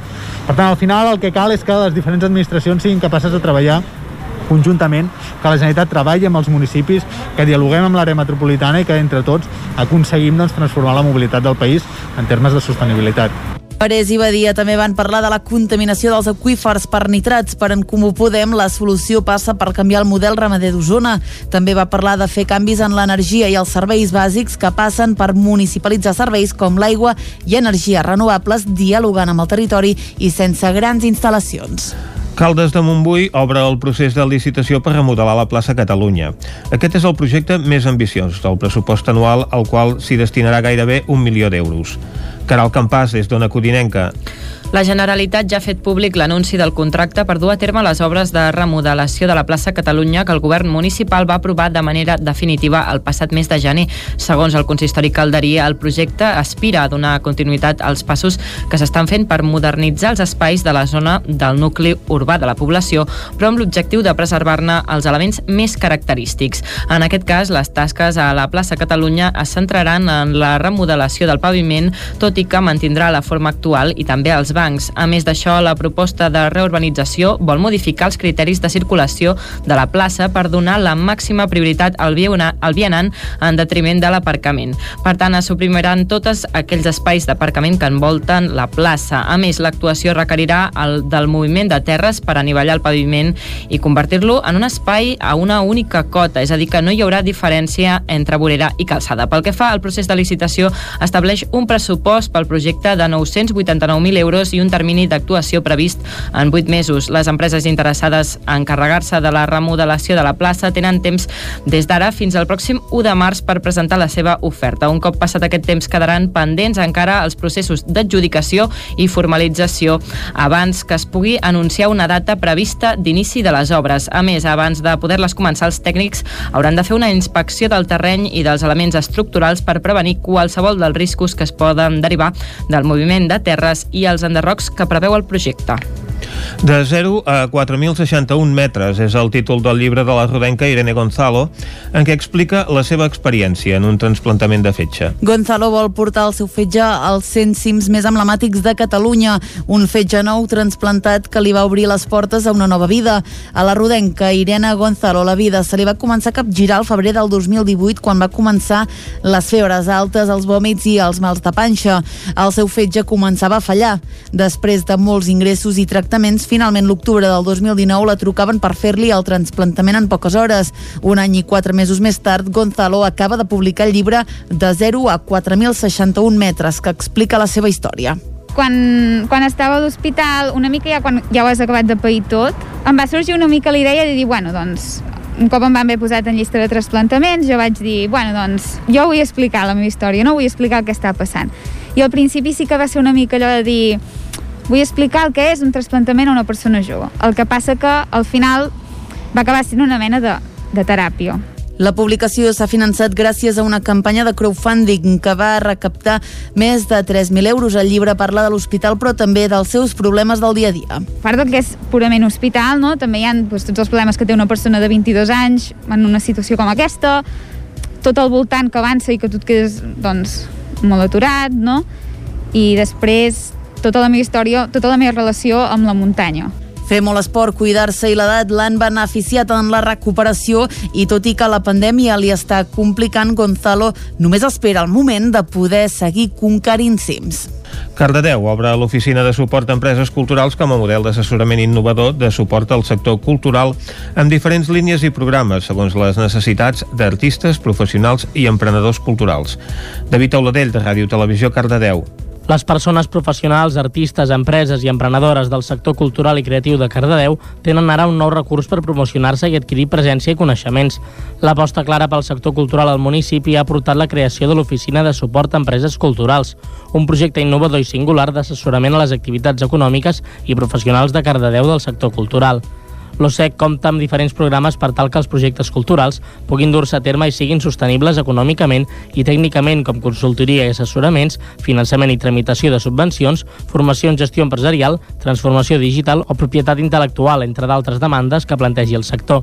L'OSEC és un projecte supramunicipal gestionat pel C7 amb el suport dels municipis de la Roca del Vallès, Sant Antoni de Vilamajor, Sant Pere de Vilamajor, Cànoves i Samalús, Vilalba Sasserra i el suport de la Diputació de Barcelona. Torelló ja té una instal·lació de workout per fer gimnàstica a l'aire lliure. Representants del consistori infantil de Torelló inauguraven aquest dimarts el nou workout del municipi. Ho feien al costat de l'alcalde Marçal Ortuño i del regidor de Participació Ciutadana Xavier Lozano.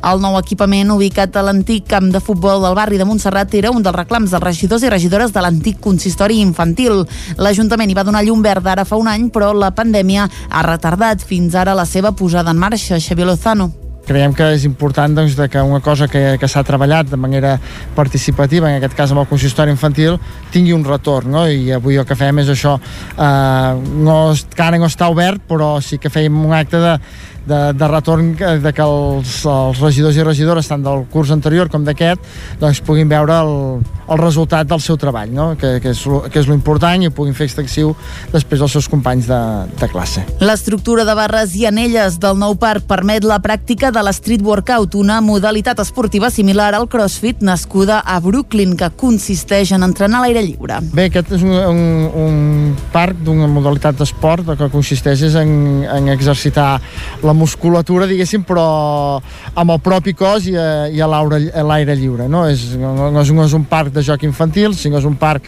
de, de gimnàsia, per dir una cosa, però en vez de fer amb màquines, doncs es fa amb, amb exercicis amb el propi cos i així és a l'aire lliure. La posada en marxa del nou equipament va rebre el vistiplau dels regidors infantils de totes les escoles de Torelló.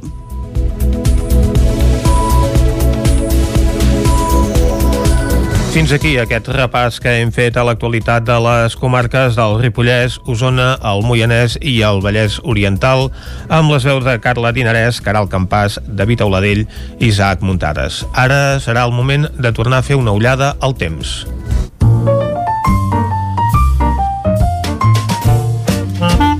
Casa Terradellos us ofereix el temps.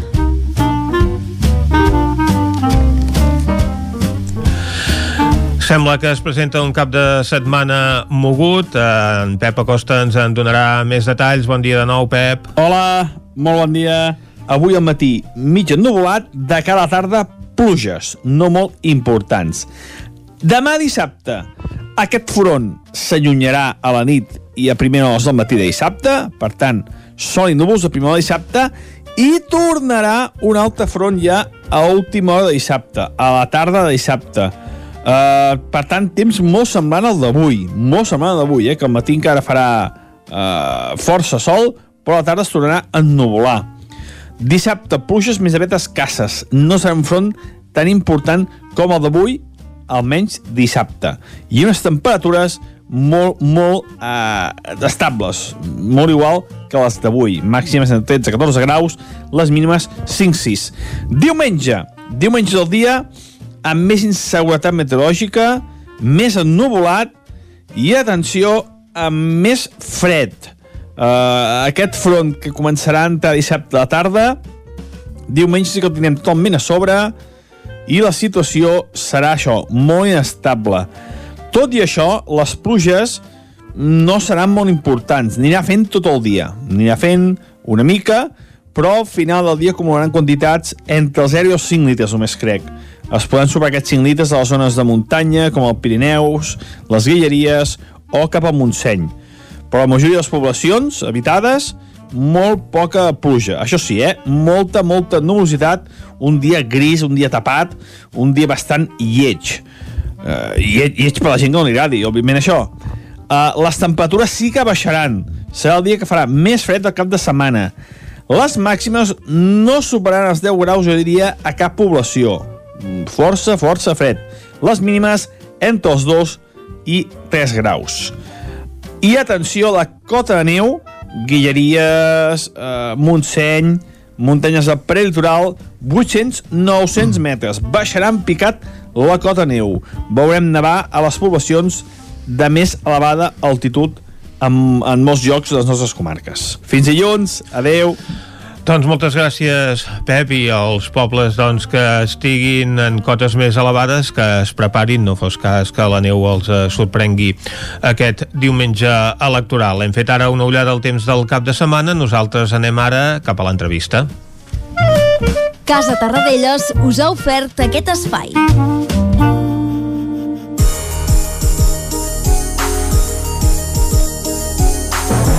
Quan falta un minut per un quart d'onze, volem eh, parlar amb la que és l'alcaldessa més jove de Catalunya. Laia Martínez és la nova alcaldessa de Pardines després d'arribar a un acord de relleu amb l'anterior alcaldessa, la Núria Pérez, que continua a l'Ajuntament. Anem a parlar amb ella i ho fem des de la veu de Sant Joan, on ens espera l'Isaac Muntades. Bon dia, Isaac. Després de 5 anys i gairebé 8 mesos al càrrec, la que era fins ara alcaldessa de Pardines, Núria Pérez va decidir renunciar a l'alcaldia per motius personals i professionals en el ple del passat mes de gener. Pérez va cedir el relleu a Laia Martínez en un ple extraordinari i urgent i es va convertir en l'alcaldessa més jove de tot Catalunya amb només 25 anys. Avui la tenim al telèfon perquè ens expliqui què suposa haver entomat el càrrec tan jove i quins projectes té pel futur del municipi. Bon dia i moltes gràcies per atendre'ns, Laia. Bon dia. Primer de tot, Pardines és un poble on ja teniu tradició amb això de tenir una alcaldessa i que sigui a més a més la més jove de Catalunya, perquè la Núria Pérez també va ser en el seu moment amb 25 anys. Què destacaries del seu llegat? No sé si la seva joventut en el seu moment doncs, eh, va influir en la seva manera de governar i això ha fet que s'hagi centrat en alguns temes més que, més que d'altres. Uh, la Núria portava ja 6 anys a l'alcaldia de Pardines. Uh, ella es va trobar a l'Ajuntament que estava molt endeutat i actualment aquest endeutament és mínim. Ella va tirar projectes i actuacions endavant, com per exemple va arreglar diferents camins, uh, va tirar endavant el canvi d'il·luminació a la meitat del poble i va fer diferents actuacions també, per exemple, s'ha comprat una llevaneus. La seva joventut jo crec que no ha influït, uh, però crec que avui en dia has d'estar al cas de totes les noves tecnologies i el fet de ser jove això ho tens per mà. I el tema de si s'ha centrat en alguns temes, uh, pel fet de que és més jove, jo penso que no, va tocar diferents àmbits i tots els temes d'ocupar la regidoria d'Educació, Festes i Cultura eh, a fer d'alcaldessa. Des de quan gestava aquest canvi? No sé com heu reestructurat les carteres de l'equip de govern. Uh, no va ser una decisió d'un dia per l'altre. Fa temps que ella m'ho havia plantejat i jo, després de pensar-m'ho molt i això, vaig decidir que, que agafava l'alcaldia i ho tirava endavant. El fet de reestructurar les diferents regidories, ens hem quedat tots amb les mateixes, L'únic que ha canviat és el, la, la figura de l'alcalde, que en aquest cas he passat a ser jo. I el fet que la Núria segueixi de regidora, quins avantatges pot tenir? Creus que hauria d'haver deixat del tot o que encara pot aportar més coses a l'Ajuntament des d'un segon pla? No, no, tot el contrari. Penso que ella, estant en segon pla, pot aportar més, i més des de la seva experiència, no? que ja hi porta sis anys um, penso, bueno, m'està ajudant amb tot i penso que juntes ho podem tirar endavant. I com està sent aquestes primeres setmanes a l'alcaldia? No sé com ha canviat la teva vida. Bueno, sort en tinc de l'equip, de govern, dels secretaris i de tots els treballadors de l'Ajuntament que m'estan ajudant a posar-me al dia i en tot allò que, que per mi és nou, que no, que no sabia abans del funcionament. Parlem una mica de Pardines. Amb la pandèmia heu tingut eh, nous empadronaments, hi ha hagut més eh, gent interessada a viure al municipi, no sé si heu augmentat eh, la població. Uh, hem augmentat, um, el, um, de fet des del confinament han vingut dues persones a viure. Uh, la veritat és que gent interessada en viure al poble sempre n'hem tingut, i més ara en confinament. No sé si heu imposat algun tipus de polítiques d'habitatge, si, és, si aquí per dins teniu algun tipus de pisos de protecció oficial o alguna cosa perquè la gent s'animi a venir o, o, o molts habitatges buits. Uh, doncs mira, actualment tenim quatre pisos de protecció oficial i tots estan ocupats. Mm, el problema d'aquí per Dines és que no hi ha uh, cases disponibles per vendre o per llogar. La majoria també són de segona residència i llavors això dificulta que la gent que vulgui venir a viure aquí trobi un habitatge i el teletreball també ha vingut eh, per quedar-se. No sé com, com funciona l'internet a Pardines. Què en sabeu de, de l'arribada del fibra òptica al municipi? Perquè aquí a Pardines a vegades sempre hi ha hagut eh, doncs, problemes de telefonia mòbil amb algunes companyies eh, que patiu en algunes ocasions. No sé com està el tema. Mira, el tema de la fibra òptica, eh, des de l'estiu del 2019, sí, um, ja ens va arribar la, la fibra òptica, sobretot en el nucli del poble, i en alguns dels veïnats i estem treballant perquè pugui arribar a la resta. I el tema de la cobertura sí que ens trobem que en algunes vegades, segons a quines companyies, tenen poca cobertura en alguns llocs. Però bueno, tot i així no deixem d'estar-los a sobres en aquestes companyies perquè això es pugui arreglar. No sé si aquest, per exemple, és, és el cas de, de Movistar, eh, que en alguna ocasió havia uh, set problemàtic aquí a Pardines. Sí, en alguns llocs ens trobem que hi ha poca cobertura. Sí, sí. -hmm. Com ha afectat aquest temps que hi ha hagut confinament municipal? No sé si canvia molt la cosa ara que, que s'ha passat al comarcal i no pot venir gent de fora del Ripollès a fer turisme. Som un poble petit i realment no tenim serveis de botigues, llavors sempre ens hem de desplaçar a Ribes de Freser.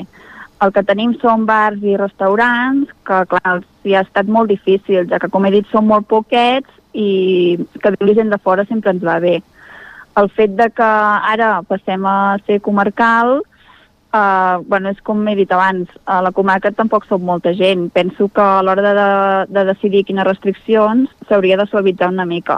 Però clar, també soc conscient que del risc no? i de lo difícil que és prendre aquest tipus de decisions. No sé si heu impulsat algun tipus d'ajudes des de l'Ajuntament de Pardines uh, per, per uh, bars i restaurants, per comerços, si heu fet algun, algun tipus d'acció en aquest sentit. Estem treballant per fer ajudes en els bars i els restaurants d'aquí al poble, sí. Uh, I aquí, uh, ara preguntant un, una cosa més uh, sobre el, el municipi, aquí uh, hi ha uns veïns que es queixen de que es vol cobrir una plaça i, i han al·legat que quedaria malament estèticament i potser fins i tot que no entraria dins de la, la legalitat i que també aquesta, aquesta obra es podria fer doncs, a un altre lloc del poble on hi ha les pistes de tennis. No sé quina és la postura de l'Ajuntament, si heu pogut parlar amb aquests veïns, si heu estudiat eh, el tema? Mira, a dia d'avui tenim la resolució definitiva de l'atorgament del PUOS, que és del 95% de l'obra.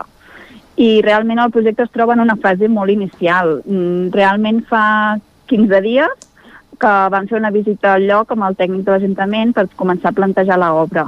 Tenim molt clar que això suposarà un mínim impacte visual aquí dins del poble. Mm. Uh, us heu pogut reunir amb els veïns per això? Heu, heu parlat amb ells de totes maneres? No, no sé si us han fet arribar algun tipus d'input. Ens han fet arribar, sí que hem rebut alguna carta i bueno, estem estudiant a veure com, com ho farem perquè ni tan sols sabem nosaltres ben bé com serà la plaça, no? Ja et dic, fa, realment només fa 15 dies que vam anar, vam veure en directe, diguéssim, i vam definir una mica com seria el projecte.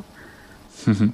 I, I per anar acabant, uh, Uh, Laia, explica'ns tres projectes que, que vulgueu desenvolupar en el que queda mandat en el poble i, i explica'ns també el, el que s'hagi fet durant aquest uh, poc més d'un any i mig que porteu de, al, al govern.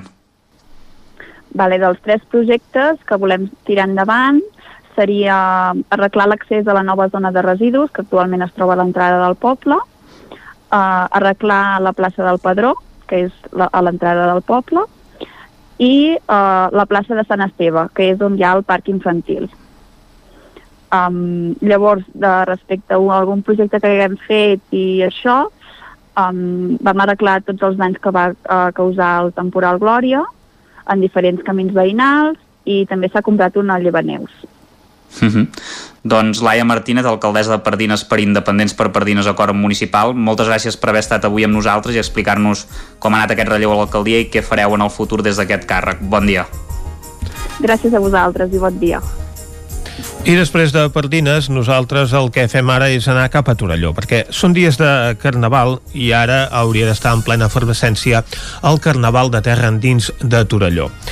Després de 43 anys, aquesta vegada no podrà ser. S'ha convertit, per culpa de la pandèmia, en el que ells anomenen el Carnaval de portes endins. I en volem saber més detalls, ho fem amb un dels seus organitzadors, amb Blai Marginedes. Moltes gràcies per atendre'ns, Blai. Hola, bon dia. Com, com va tot? Com, com va i com anirà el Carnaval? Això és el que ens interessa perquè ja van començar els actes, era el dia del Pollasso, però es va fer doncs, un acte més reduït, es van tirar els coets habituals i es va inaugurar una exposició, no? En què consisteix exactament aquesta activitat? Uh, bé, uh, com anirà el Carnaval? El Carnaval no anirà com a tal, uh -huh. perquè no, com ja vam anunciar, hem anul·lat totes les activitats festives i típiques del, del Carnaval degut a la pandèmia. Uh, dit això, sí que um, diguéssim, hem intentat celebrar el, els dies no? que hauria sigut aquest uh, 43è Carnaval Terra Endins, uh uh, i ho hem convertit en una exposició. Una exposició que ens serveix per uh, una mica revisar tota la història que té el, que té el Carnaval uh, des dels seus inicis i sobretot amb, amb aquests últims uh, 15 anys d'història no? uh, en què s'ha anat consolidant uh, tal com és ara. Uh -huh. També estreneu un documental sobre l'activitat dels carrossaires.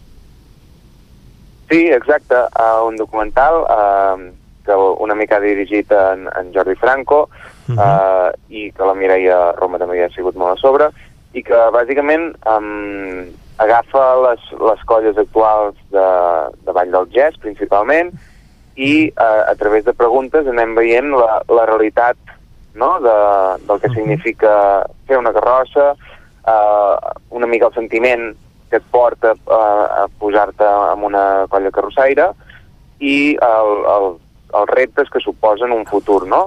El tema del relleu, etc etc etc. Parlant de carrossaires, com, quin ambient hi ha entre els carrossaires després que ja s'hagi confirmat doncs, que l'Ajuntament adquireix aquesta nau on treballen i això dona una certa estabilitat a aquesta situació que ara era incerta, no? Exacte. Sí, això dona estabilitat i permetrà en un futur eh, proper poder fer millores a la nau i això és una cosa que els carrossaires doncs, eh, bé, estan contents en aquest sentit. Uh, tot i així uh, s'ha de seguir treballant i, i hi ha força feina, uh, però bé, és un, és un pas important, sobretot per això, per millorar les condicions actuals de la nau uh, i ja anar-la pensant cada cop més amb, amb l'activitat que s'hi està realitzant actualment. Uh -huh. En el camp audiovisual, a part de l'estrena d'aquest documental, també s'està treballant amb una sèrie per capítols. Com està això actualment? Bé, la websèrie encara estem de rodatge, eh, s'ha allargat més del, del que en un inici estava previst, també en part eh, de, a causa de la, de la pandèmia, i tot i així s'està treballant eh, per intentar això presentar-la quan més, a, més aviat millor, tot i que encara no tenim dates d'estrena. Uh -huh. I quan la podrem, o com la podrem veure? La penjareu a les xarxes o es podrà veure per algun altre canal? Uh, bé, amb això també estem treballant-hi. Um, sí que intentarem fer alguna presentació pública, uh, tal com s'ha fet el documental. Uh, encara no ho tenim concretat del tot, per tant tampoc ho puc avançar allò concretament on serà.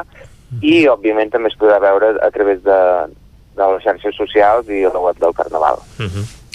Doncs esperem, Blai, que l'any que ve el Carnaval de Terra Endins reneixi amb moltes més forces, no? Serà així? Això esperem, que l'any que ve tot això ja hagi passat i puguem tornar a celebrar el Carnaval, eh, el Carnaval que teníem. Uh -huh. Segur que sí. Moltes gràcies, Blai, per acompanyar-nos i donar-nos aquestes pinzellades del que serà aquest any, el que en dieu, el Carnaval de Portes Endins. Moltes gràcies.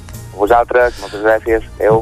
Adéu, Blai. Marginades és un dels organitzadors d'aquest eh, carnaval que tiren endavant doncs, el col·lectiu Acte, l'Associació Cultural Deixebles de Sant Feliu i el col·lectiu Pollasso, que són els principals actors d'aquest carnaval, que aquest any no es podrà fer com és eh, tradicional a Torelló. Ara nosaltres, al Territori 17, fem una petita pausa, tornem d'aquí un moment.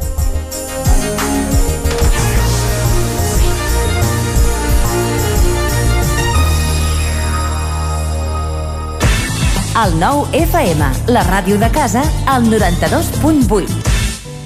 Cobertes serveis funeraris. Els nostres tanatoris estan ubicats en els nuclis urbans més poblats de la comarca d'Osona per oferir un millor servei. Tanatori de Vic, Tanatori de Manlleu, Tanatori de Centelles i Tanatori de Roda de Ter. Sabem que són moments difícils i per això el nostre compromís és atendre-us en tot moment amb un tracte humà, sensible i respectuós. Cobertes serveis funeraris. Telèfon 24 hores 93 883 23 46.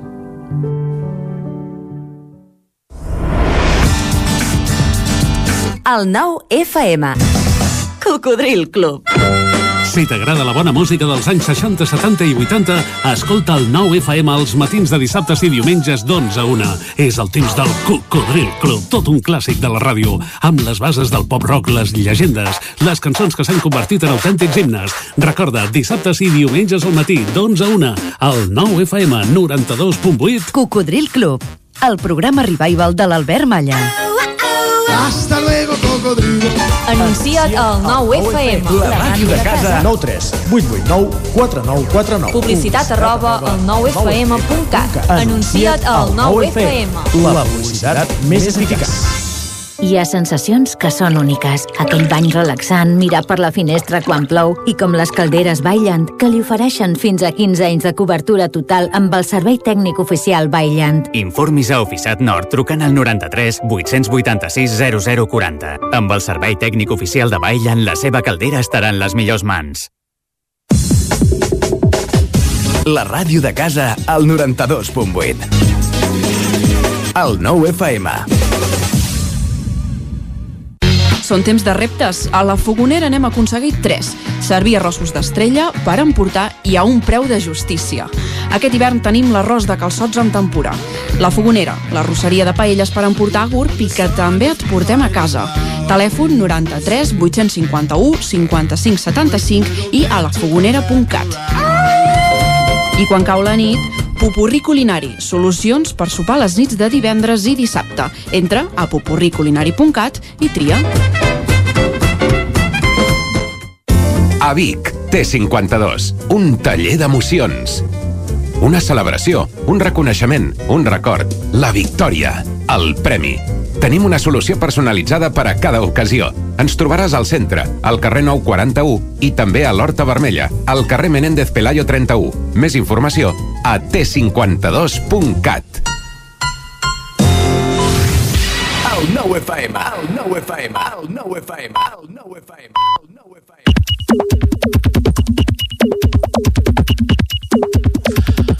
Són dos quarts d'onze, moment de fer un repàs a l'actualitat digital. Ens acompanya, com sempre, l'Isaac Moreno. Bon dia. Ah, Maria, bon dia. Què ens portes avui? També hi ha actualitat electoral per Twitter? Per variar. ja s'acaba, això. Tot i que ens si costa no, molt... la, la de campanya. Després haurem de parlar de, a partir dels resultats què és el que passa. Ens costa molt filtrar la interessada, eh? però ho intentem aconseguir. Va. A veure. Toni Rubia, des de Manlleu, diu els secretaris d'organització dels socialistes mai han sigut de fiar. Amb el Sinat s'ha vacunat fijo. Illa, Salvador Illa, Illa Meravella són els tres dedicades que acompanyen aquesta piulada. Antoni Moles, escoltant els, les representants polítics, me n'adono que la seva paraula no val res, tots dient que signaran un document o davant de notari, que no pactaran amb un o altre, eleccions 14F. També piulava Pep Palau, aquest no, en aquest cas no era sobre el tema electoral. Anem a veure l'empenta dels cuiners d'Osona Cuina rostint els ports a la grella com cada any el dia del dijous llarder. Endavant i força. Etiqueta dijous gras, això era ahir, però vaja, la pilada la recuperem avui. Evidentment, perquè l'acte va durar fins a les 3 de la tarda. Més coses. Uh, Iñaki Escudero, encara en plana electoral. Diu, a mi no em cal que Jessica Albiach ni en Comú Podem firmin cap acord o vagin al notari a dir que no pactaran amb un govern amb els populistes de dretes de Junts per Catalunya i els conservadors neoliberals del PDeCAT. Tinc molt clar que no ho faran i que tampoc una investidura. Uh, Santi Carcassona, músic, diu la frase bona i definitiva arriba sempre just després de prem el botó d'enviar. Aquest cop ho ha enviat bé el tuit. Vés a saber, potser n'hi havia alguna de millor darrere. Ton Falqués, també òptica electoral, però des d'un altre punt de vista. Diu, bon dia, busco abstencionista codinenc que pugui i vulgui votar per mi aquest diumenge. Finalment no podré baixar i no vull que aquestes siguin les primeres eleccions de la història que no puc votar. M'ajudeu? Etiqueta vota per mi. Em fa molta gràcia el concepte no podré baixar, tenint en compte que baixaria de Suècia. Sí, li cau una mica lluny en el col·legi electoral. I uh, segurament ha tingut dificultats per fer-ho des d'allà mateix. Li respon, per exemple, uh, Jordi, usuari escavallat, que diu què vols votar, fill meu? Digues i jo aniré a votar l'Alejandro per tu. No sé, no sé si és la resposta que esperava. Exacte. Uh, obrim pàgina R3, usuaris afectats per, pel bon funcionament de la línia de tren, de Rodalies. Oh, però ara ja la desdoblaran d'aquí un moment. D'aquí un moment. Això ho van dir l'any 80, també. Montse Rebost, des de Centelles. Els trens de Rodalies 3 no seran totalment accessibles fins que disposin d'un sistema de megafonia fiable o en David Vinyoles. Diu, qüestions per resoldre. A Centelles no para cap tren semidirecte. Deixa la zona 5 sense aquest servei i en franges de més de dues hores sense poder agafar un tren. Etiqueta fem llista millora tren Osona. Agustí Danés diu per al 14F més que la competència hauria de preocupar la incompetència. Eleccions 2021, diu. I entrem amb, les pàgina, amb la pàgina poètica, tres piolades, Montsabadia des de Trolló. I què passaria si des de ben petits els ensenyem a elles, però també a ells, què és el més normal i natural? Signe d'interrogació. Eh, si en, I en aquest cas eh, ho diu per l'1 de febrer, Dia de la Dona i la Nena en la Ciència. No- Normalitzem-ho perquè no s'hagi de celebrar, diu. L'11 de febrer. Correcte. Anna Pont, el desgast dels sanitaris amb el tema Covid ha de ser monumental després de tant de temps. Us estimem i ho acompanya, com sempre, d'una de les seves fabuloses il·lustracions que es poden visitar a la sala d'exposicions del Casino de Vic, val a dir-ho. I acabem ara sí amb en Francesc Mateu. Fa menys fred que ahir, els núvols semblen haver-se distribuït radialment per reflectir els raigs incipients del sol. Cada dia l'escenari és el mateix, la bellesa també, però la posada en escena és força diferent. Ja és divendres. Bon dia.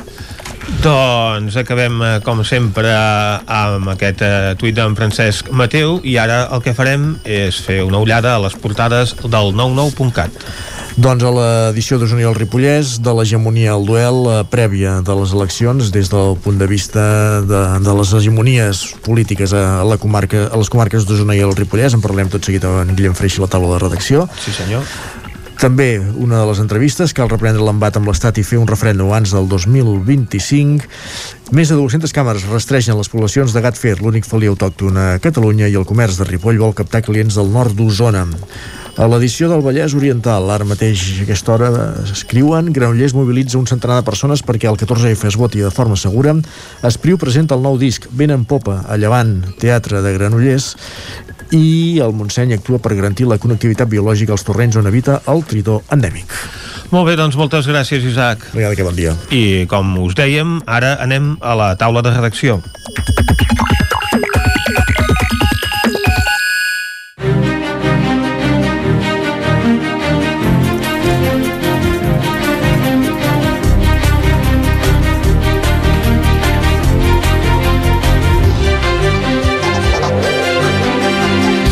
Avui a la taula de redacció ens acompanyaran en Guillem Freixa i en Guillem Rico.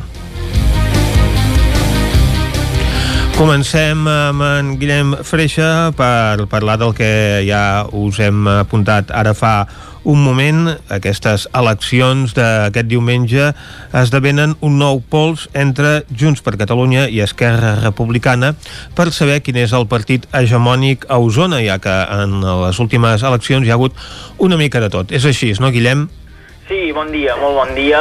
A Osona i el uh, Ripollet hi ha aquest uh, duel a nivell de Catalunya, a nivell de la victòria uh, a nivell català doncs es parla d'aquesta lluita ferrissada a tres bandes per, per aconseguir eh, fer govern en aquestes eleccions al Parlament entre el PSC, Esquerra i Junts per Catalunya, però si ens fixem en l'evolució històrica del vot a Osona i al Ripollès, el Ripollès ho podríem reduir això a un duel. I és que en aquestes eh, dues eh, comarques eh, hi havia hagut una hegemonia històrica de l'antiga Convergència i Unió però es va produir un punt d'inflexió el 26 de juny de 2016 ja en ple desmembrament o quan ja s'havia eh, anat eh, disgregant aquesta convergència amb, amb diversos partits, amb diverses eh, forces, doncs el 26 de juny de 2016 Esquerra va confirmar el sorpasso posant eh, punt i final a aquest domini de Convergència a Osona. En concret, a Osona van guanyar, el Ripollès Esquerra va quedar atrepitjant els talons de Convergència Democràtica de Catalunya, que és amb les cicles en què es presentaven en aquells comicis, i a partir de llavors doncs, el que hi ha hagut eh, han sigut eh, alternances, estira i arronses en els resultats electorals, amb victòries de ja Junts per Catalunya, la formació de Junts per Catalunya, amb victòries també d'Esquerra eh, i amb resultats eh, diversos. I ha tingut molt a veure aquesta mobilització del vot independentista que hem viscut en els últims anys, pràcticament l'última dècada que ve marcada l'agenda electoral per aquest eh, tema eh, sobiranista, independentista, el procés eh, català i això ha accentuat el frec a frec entre aquestes dues forces, entre Junts per Catalunya i eh, Esquerra. Mm, per analitzar una mica el que ha anat passant, com han anat variant els resultats eh, en aquestes cites periòdiques a les urnes que han hagut de, de fer els ciutadans d'Osona i el Ripollès, també de, de tot Catalunya, doncs hi ha diverses variables que ens, ens permeten entendre eh, alguns dels resultats. Un d'ells, i molt clar, és l'efecte Puigdemont. Carles eh, Puigdemont, una figura que, analitzant els resultats electorals, té molta tirada i és que, per exemple, en dues de les últimes eleccions d'aquests darrers cinc anys en què Carles Puigdemont ha actuat com a, com a cap de llista de Junts per Catalunya, doncs Junts per Catalunya podríem dir que ha arrasat. Ho vam veure el 21D, el 21 de desembre de 2017, quan eh, ja actuava com a cap de llista des de l'exili i Junts per Catalunya va aconseguir un 46% dels vots a Osona i la mateixa xifra al Ripollès, per tant, mm -hmm. una xifra molt elevada de, de vots. I aquest mateix resultat, o fins i tot millorat, eh, es va produir en les eleccions europees del 26 de maig del 2019. Junts per Catalunya va obtenir un 56% dels eh, vots i a Osona i un 50% al Ripollès. I entremig, el 28 d'abril del 2019, vam tenir unes eleccions generals uh -huh i en aquestes eleccions es va imposar Esquerra en aquesta ocasió amb un 38% de, del percentatge de vot aconseguit a la comarca d'Osona i un 36% al Ripollès. Per tant, aquestes alternances i l'últim referent són les del 10 de novembre del 2019, també unes eleccions uh -huh. generals en què la diferència entre Junts per Catalunya i Esquerra va ser uh, idèntica a les dues comarques i uh, curta, un, només dos punts de diferència en uns comicis en què es va imposar Junts uh, per Catalunya. De cara a aquest 14 de febrer, d'aquest uh, diumenge, doncs és un nou episodi, per dir-hi aquest estira i arronsa, aquest frec a frec, aquest duel entre les dues formacions, però hi ha algunes variables que caldrà tenir en compte i que poden influir en el resultat uh, final. Eh, d'una banda, l'escenari postconvergent, amb tres partits ben definits que es presenten uh, per separat i de manera consolidada uh, per primera vegada en aquestes eleccions al Parlament. Tenim a Junts per Catalunya, que presenta un teixit de regidors i alcaldes doncs, molt extens a les dues uh, comarques, però també hi tenim el, PDK, el PDeCAT amb, amb figures destacades de la política nacional com poden ser l'alcaldessa de Camp de Bànol, Dolors Costa, o el regidor de Vic, Josep Arimany, que va ser present en l'acte del PDeCAT eh, a Osona i va intervenir eh, en aquest eh, esdeveniment. I també hem de posar-hi en aquest eh, sac el PNC, el Partit Nacionalista de Catalunya, amb la biguetana Marta Pascal com a cap de llista i que també té clar que en territori usonenc pot aconseguir una bona mossegada de vots. I aquestes mossegades veurem si acaben afectant en el resultat final de Junts per Catalunya. I de l'altra, que pot afectar tant a Junts com a Esquerra, i tenim la gestió de la pandèmia. Mhm. Recordem que, per exemple, al Ripollès eh, hi va haver un, un tancament comarcal específic a, a l'entorn de, de Nadal, eh, va despertar moltes crítiques eh, i hi ha dubtes de com això eh, afectarà en el vot de, de el Ripollès en aquest cas i també de, de la comarca d'Osona. Uh mhm. -huh. El Ripollès, que és un punt també on el Partit Demòcrata s'hi ha fet fort. Sí, eh, exacte, és això, eh? Tenim a, a, a Dolors Costa que, que va al capdavant de la llista pràcticament, crec que va de número, de número 3 en aquesta uh mhm. -huh. llista del PDeCAT a la demarcació de, de Girona. Um, ostenta l'alcaldia la, de Camp de Bànol, una persona arrelada al territori i per tant també hi pot fer eh, forat en aquesta comarca. I també es va parlar molt d'aquest efecte illa, no? que uh -huh. situaria el, el candidat del PSC en la pugna pel primer lloc per optar al, al Parlament de, per optar a la presidència del Parlament de, de Catalunya. Si observem una mica el que ha passat a les dues comarques, doncs ens dona pistes de, dels interessos eh, electorals d'on anar a caçar el vot. Al Ripollès eh, hi hem vist eh, diversos actes, diverses visites, reunions amb, amb gent del sector alimentari, amb, amb empresaris, hem vist mhm. presència del PSC al Ripollès, uh mhm. -huh. en canvi Osona, que pertany a la demarcació de, de Barcelona, per tant s'han d'anar a barallar els vots amb, amb l'àrea metropolitana, podríem dir... I on hi tenen alcaldies?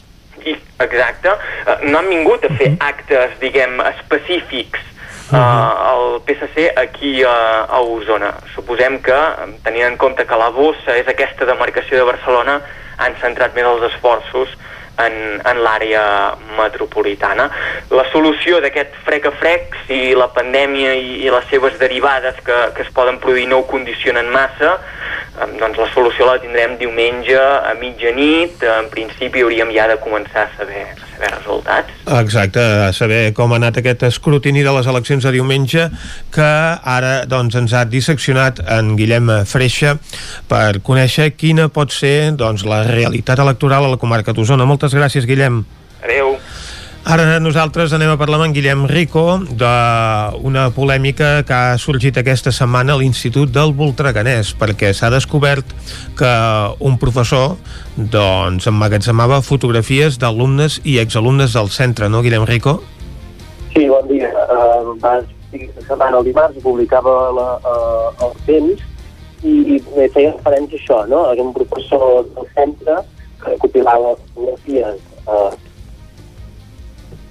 Sembla que hem perdut aquest uh, senyal amb en uh, Guillem Rico. Hola. Ara, ara et sentim, sí. Ara sí? Uh -huh. Doncs el que deia, que va sortir la polèmica aquest dimarts, es va fer públic a través de, del digital al temps, eh, sobre aquest professor que emmagatzemava fotografies d'alumnes i exalumnes a la xarxa Pinterest, les treia del, dels perfils d'Instagram o de Facebook d'elles, algunes sortien en biquini, que sortien amb les seves parelles, etc per tant, estem parlant de fotografies que no corresponen en moltes d'elles al moment en què aquestes noies, doncs, perquè estem parlant de fotografies tot de, de dones, que, que en aquell moment fossin eh, alumnes de, de l'institut i que, per tant, el professor hi pogués tenir una relació, sinó que ha anat fent un seguiment a posteriori, no sembla?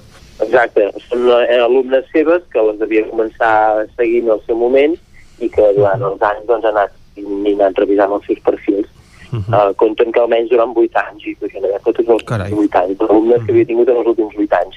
Uh -huh. Hi ha unes 100 persones afectades, en aquestes imatges, unes 300 imatges, um, va descobrir una noia, uh, una certa a Google, el de desembre va usar el seu nom per, casualitat i va sortir una entrada en el perfil de Pinterest i en obrir-lo doncs, va descobrir doncs, tot aquest seguit de, fotografies que, que guardava el professor. Uh, arran d'això van fer un, una instància al departament, als Mossos i a l'Ajuntament per informar dels fets. Es va obrir un expedient informatiu, però d'entrada no se va portar, no se apartar la docència. De la docència, el departament ja sigui els protocols, els Mossos diuen que per investigar, que d'entrada no té recorregut, però eh, continua la investigació i ahir ens deien des del Departament d'Educació uh -huh. que, que podien constituir un, uh, un, un fet uh, es podria considerar una falta greu. Uh, I llavors ahir mateix uh, uh, el mateix professor va seguir va, no, no l'han apartat de la docència, però el mateix professor sí que ha agafat la, la, baixa, la baixa laboral. Per tant, uh, el professor no està fent classes a l'Institut de l'Urganès, on uh, aquest migdia, uh, precisament, uh, s'ha convocat una concentració de lectura d'un manifest sota l'una exigim respostes, que serà a dos quarts de tres uh, al passeig que hi ha al costat de, de l'institut. Des de l'institut mateix i al migdia també van enviar una carta a les famílies um, dient que, que es feien les diligències corresponien als protocols sobre aquests temes, que s'estava gestionant com, com correspon, i deien que, que estan compromesos per aclarir la, la situació de rigor que, que toca.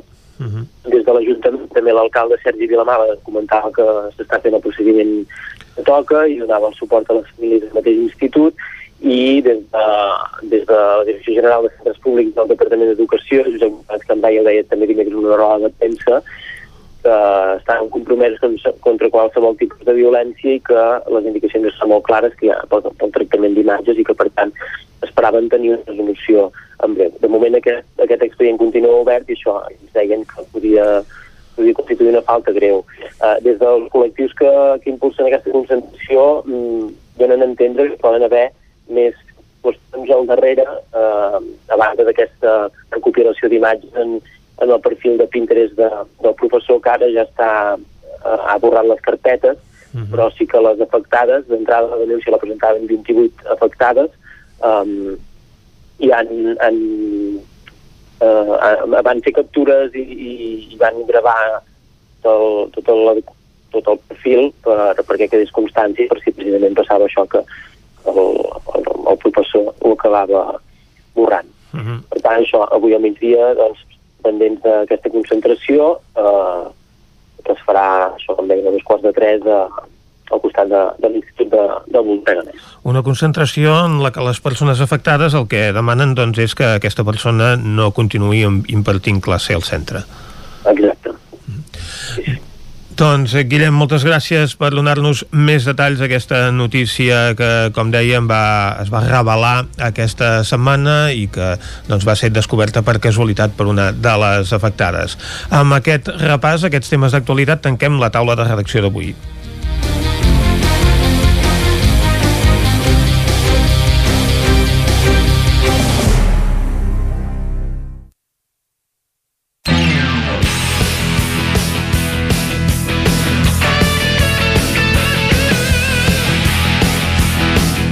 I ara és hora de fer un repàs esportiu a com es presenta el cap de setmana, quins són els partits que juguen en aquelles competicions que de moment es poden disputar amb l'esperança que d'aquí unes setmanes doncs, n'hi hagi ja algunes més. Farem el recorregut habitual per les nostres emissores i, com sempre, comencem des de Ràdio Cardedeu amb l'Òscar Muñoz. Bon dia, Òscar.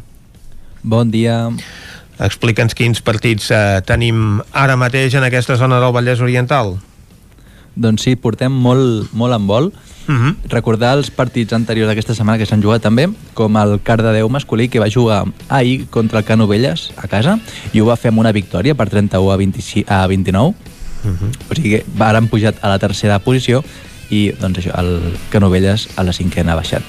I aquest diumenge a Cardedeu tenim a les 6 el sènior femení contra el balonmano La Roca, uh -huh. que van, la sènior femení de Cardedeu doncs van penúltimes amb dos partits perduts i un empat. A l'handbol a Granollers, les noies de, del CAC 7 segueixen pujant a la Lliga i ara situen ja pri primeres del grup B. Molt bé. Després de guanyar aquest dimecres contra la de Sal Córdoba per 32 a 30, tot i les baixes a, que tenien a la línia d'atac, eh, doncs va funcionar bastant bé l'equip i al primer quart d'hora del partit ja es, estaven amb un 11 a 5, o sigui, amb molt bon avantatge de 7 gols de diferència, i això va fer doncs, poder sumar aquesta victòria al partit. El pròxim partit de les granollerines serà aquest diumenge a les 8 a la pista del Tenerife, que és cinquè amb 8 punts. El Franking, el Franking Granollers va jugar dimecres també i no va donar opció al Puerto Sagunto i va sumar la seva dotzena victòria, que és la més còmoda de la temporada, amb un resultat bastant clar per 35 a 22. El pròxim partit del Granollers serà aquest diumenge al Palau d'Esports contra el Villaranda, que és QE amb 6 punts a dos quarts d'una de, d'una del migdia. Uh -huh. I l'únic partit d'handbol el trobem també a Granollers, diumenge a les 12, que jugarà l'Esport Club Granollers contra la Unió Esportiva Sants. De futbol estem parlant ara mateix, no? De la De futbol, tercera divisió mateix, de sí. futbol. Molt bé, doncs Tercera- gràcies. Tercera, grup B. Ah, exacte. Gràcies, Òscar. Ara nosaltres anem cap a Ona Codinenca. Allà ens hi espera la Caral Campàs. Bon dia, Caral. Hola, bon dia. Explica'ns els partits que podem veure i que podem Mira. seguir també aquest cap de setmana. Sí, us parlo de la previsió pel que fa a l'hoquei, que és el que tenim uh -huh. aquí a la zona d'Ona Codinenca. A segona divisió tenim el Sant Feliu de Codines, que després de dos caps de setmana sense competir s'enfronta al Barça. I, I quan ho farà? Doncs el dia de la jornada electoral, a les uh -huh. 6 de la tarda, un partit corresponent a la tretzena jornada que retransmetrem des de Ona Codinenca. Comentar que el Sant Feliu ve de perdre per 7 a 2 contra l'Alcobendas fa dues setmanes, on Alcobendas, que era número 3 de la classificació, i el Barça serà un rival dur, perquè està només a un lloc per sota d'aquest Alcobendas, el número 4 amb 22 punts, i el Sant Feliu està al 8 amb 11 punts. I les noies del Vigues i Riells eh, estrenen aquest divendres a la pista del Cerdanyola a les 9 del vespre la segona fase de l'Hockey Lliga Femenina, on els 8 equips que hi prenen part doncs, pugnaran per guanyar el títol. Com bé sabeu, els conjunts participants són els quatre primers classificats de cadascun dels dos subgrups d'aquesta primera fase i bé, l'equip entrenat per Ramon Peralta doncs, comença aquesta segona part del campionat, sisè amb 6 punts, d'acord amb els resultats aconseguit, aconseguits contra els equips um, del grup uh, pel títol que es va trobar a la primera fase, ja que s'arrosseguen uh, doncs, punts d'aquesta primera part de la Lliga. Llavors, les biguetanes només jugaran ara a doble volta contra els adversaris amb qui no van coincidir a la fase inicial, que són el Manlleu, el Gijón, les Rozas i aquest mateix Cerdanyola contra qui juga a, a les 9 del vespre a, avui mateix aquest divendres a la pista del Cerdanyola. I finalment us parlo del Caldes que visita el Reus. El Caldes que està al, assentat a la tercera plaça de la classificació eh, juga doncs, eh, contra el Reus a les 7 de la tarda aquest dissabte. L'equip del Baix Camp és cinquè a 9 punts dels calderins, però amb 3 partits menys. És un partit doncs, molt important, eh, tant aquest com el que vindrà després contra el Lleida, perquè són rivals directes a la classificació. I, de, I bé, Alcaldes eh, esperem que es mantingui en aquesta tercera plaça i guanyi doncs, algun punt més. Doncs esperem que sigui així. Moltes gràcies, Caralt. A vosaltres. anem ara a la veu de Sant Joan, on ens espera l'Isaac Muntades. Bon dia, Isaac. Bon dia, Vicenç. Com està l'activitat esportiva al Ripollès? Tenim poca, però sí que us puc comentar un parell de notícies, i és que ahir un dels nostres uh, ripollesos il·lustres, en Xavier Rabaseda, jugador de bàsquet de, de l'era de Sant Pablo Burgos, doncs va jugar uh -huh als quarts de final de la Copa del Rei de, de bàsquet, que aquest any juga a Madrid. No va tenir massa sort el jugador ripollès, perquè el seu equip va perdre i, per tant, va quedar eliminat per 87 a 76 contra el, el Lenovo Tenerife uh, i va ser molt superior al Tenerife durant els, uh, pràcticament els quatre quarts. Només en l'últim va ser capaç el conjunt burgalès de guanyar el parcial però en els altres ja pràcticament uh, havia sentenciat bastant el partit. L'actuació de Xavier Rabaseda va jugar gairebé 20 minuts, va fer uh, 3 punts de, fent un triple, 7 rebots, 2 assistències, una valoració de 9, de 9 no, està, no està malament, però evidentment uh, sap greu perquè no ha aconseguit doncs, uh, fer un bon paper en aquesta Copa del Rei al seu equip i per tant a les primeres de canvi eh, ha quedat eliminat. I això que ja sabeu que fa uns dies comentàvem que va aconseguir guanyar la Copa Intercontinental eh, contra un equip argentí, el, el Quimsa després de que aconseguissin guanyar la, la Champions League. I, i bé, eh, Uh, ell ja va guanyar una Copa del Rei l'any 2013 amb el Barça, uh, sembla ser que de moment haurà d'esperar una mica per aconseguir la, la segona. Uh, després, uh, ja per acabar, dir-vos també que una bona notícia per la Taga 2 uh, Evo 2040 perquè la Federació uh -huh. d'Entitats Excursionistes de Catalunya, la FEC, doncs, uh, ha fet que sigui doncs, una de les uh, curses, de, una de les sis curses eh, del calendari català, d'aquesta Copa Catalana, per tant, eh, aquest any doncs, formarà part d'aquest uh, circuit, d'aquest calendari, i, i bé, sempre és una bona notícia. I això seria una mica tota la informació d'aquí de, de la comarca. Esperem aviat eh, reprendre i explicar-vos més coses però ja sabeu que no, com que no tenim equips que juguin en competicions estatals l'agenda se'ns fa una mica minsa a vegades. El que sí hem de recordar Isaac és que ja des d'aquesta setmana tots els ripollesos, tota la gent de la comarca del Ripollès pot anar a esquiar a les estacions d'esquí de la comarca. Correcte, correcte. Fins ara han uh, estat obertes d'aquella manera perquè de fet només hi podien anar doncs, la gent que eren de Caralps o de set cases, a part doncs, d'alguns doncs, esportistes que com que es dediquen professionalment a aquesta activitat doncs també podien anar a entrenar a aquestes pistes. Per tant, si més no es va normalitzant una mica la situació de les pistes d'esquí del Ripollès. Moltes gràcies, sí, Isaac. Sí. A vosaltres. Ara nosaltres anem a fer un repàs a l'actualitat esportiva a la comarca d'Osona. La setmana passada no va anar gens bé pels equips d'hoquei i com ja ens ha comentat la Caralt, aquest cap de setmana comença la segona fase de l'hoquei Lliga Femenina. Arnau Jaumira. Doncs sí, comença aquesta segona fase de l'Hockey Lliga Femení. Comencem, si sembla, parlant d'aquests equips fe, femenins, uh -huh. eh, que ara, doncs, eh, fins ara competien en grups separats. A partir d'ara competiran junts, Voltregà i Manlleu en aquest grup C perquè I s'arrosseguen els resultats sí, no? que han aconseguit entre ells, per tant no tornen a jugar entre els que ja s'han enfrontat. No, sí que hi haurà derbi, perquè com dèiem estaven en grups separats, Exacte. però no hi haurà, doncs, no repetiran enfrontaments de la primera fase, el Manlleu comença segon, perquè recordem que va, va perdre un partit, eh, justament el de la setmana passada contra el Telecable Gijón, uh -huh. i el, qui és líder és el Palau de Plegamans, que va fer una primera volta només un empat. Eh? Per tant, la diferència és d'aquest punt, uh -huh. eh, que doncs, el, el, el Palau de Plegamans té 16 punts, el Matlleu comença amb 15 en, en segona posició, eh, seguit del, eh, aquí hi ha un forat, eh? és a dir, en, eh, els dos primers marquen molta distància, 16 i 15 punts, i tercer hi comença el Telecable Gijón amb 10 punts, empatat també amb el Voltregà que també en té, en té 10, i el Cerdanyola que també en té 10, eh? per tant, trobem potser una mica tres grups en, aquest, en aquesta Hockey Lliga femenina perquè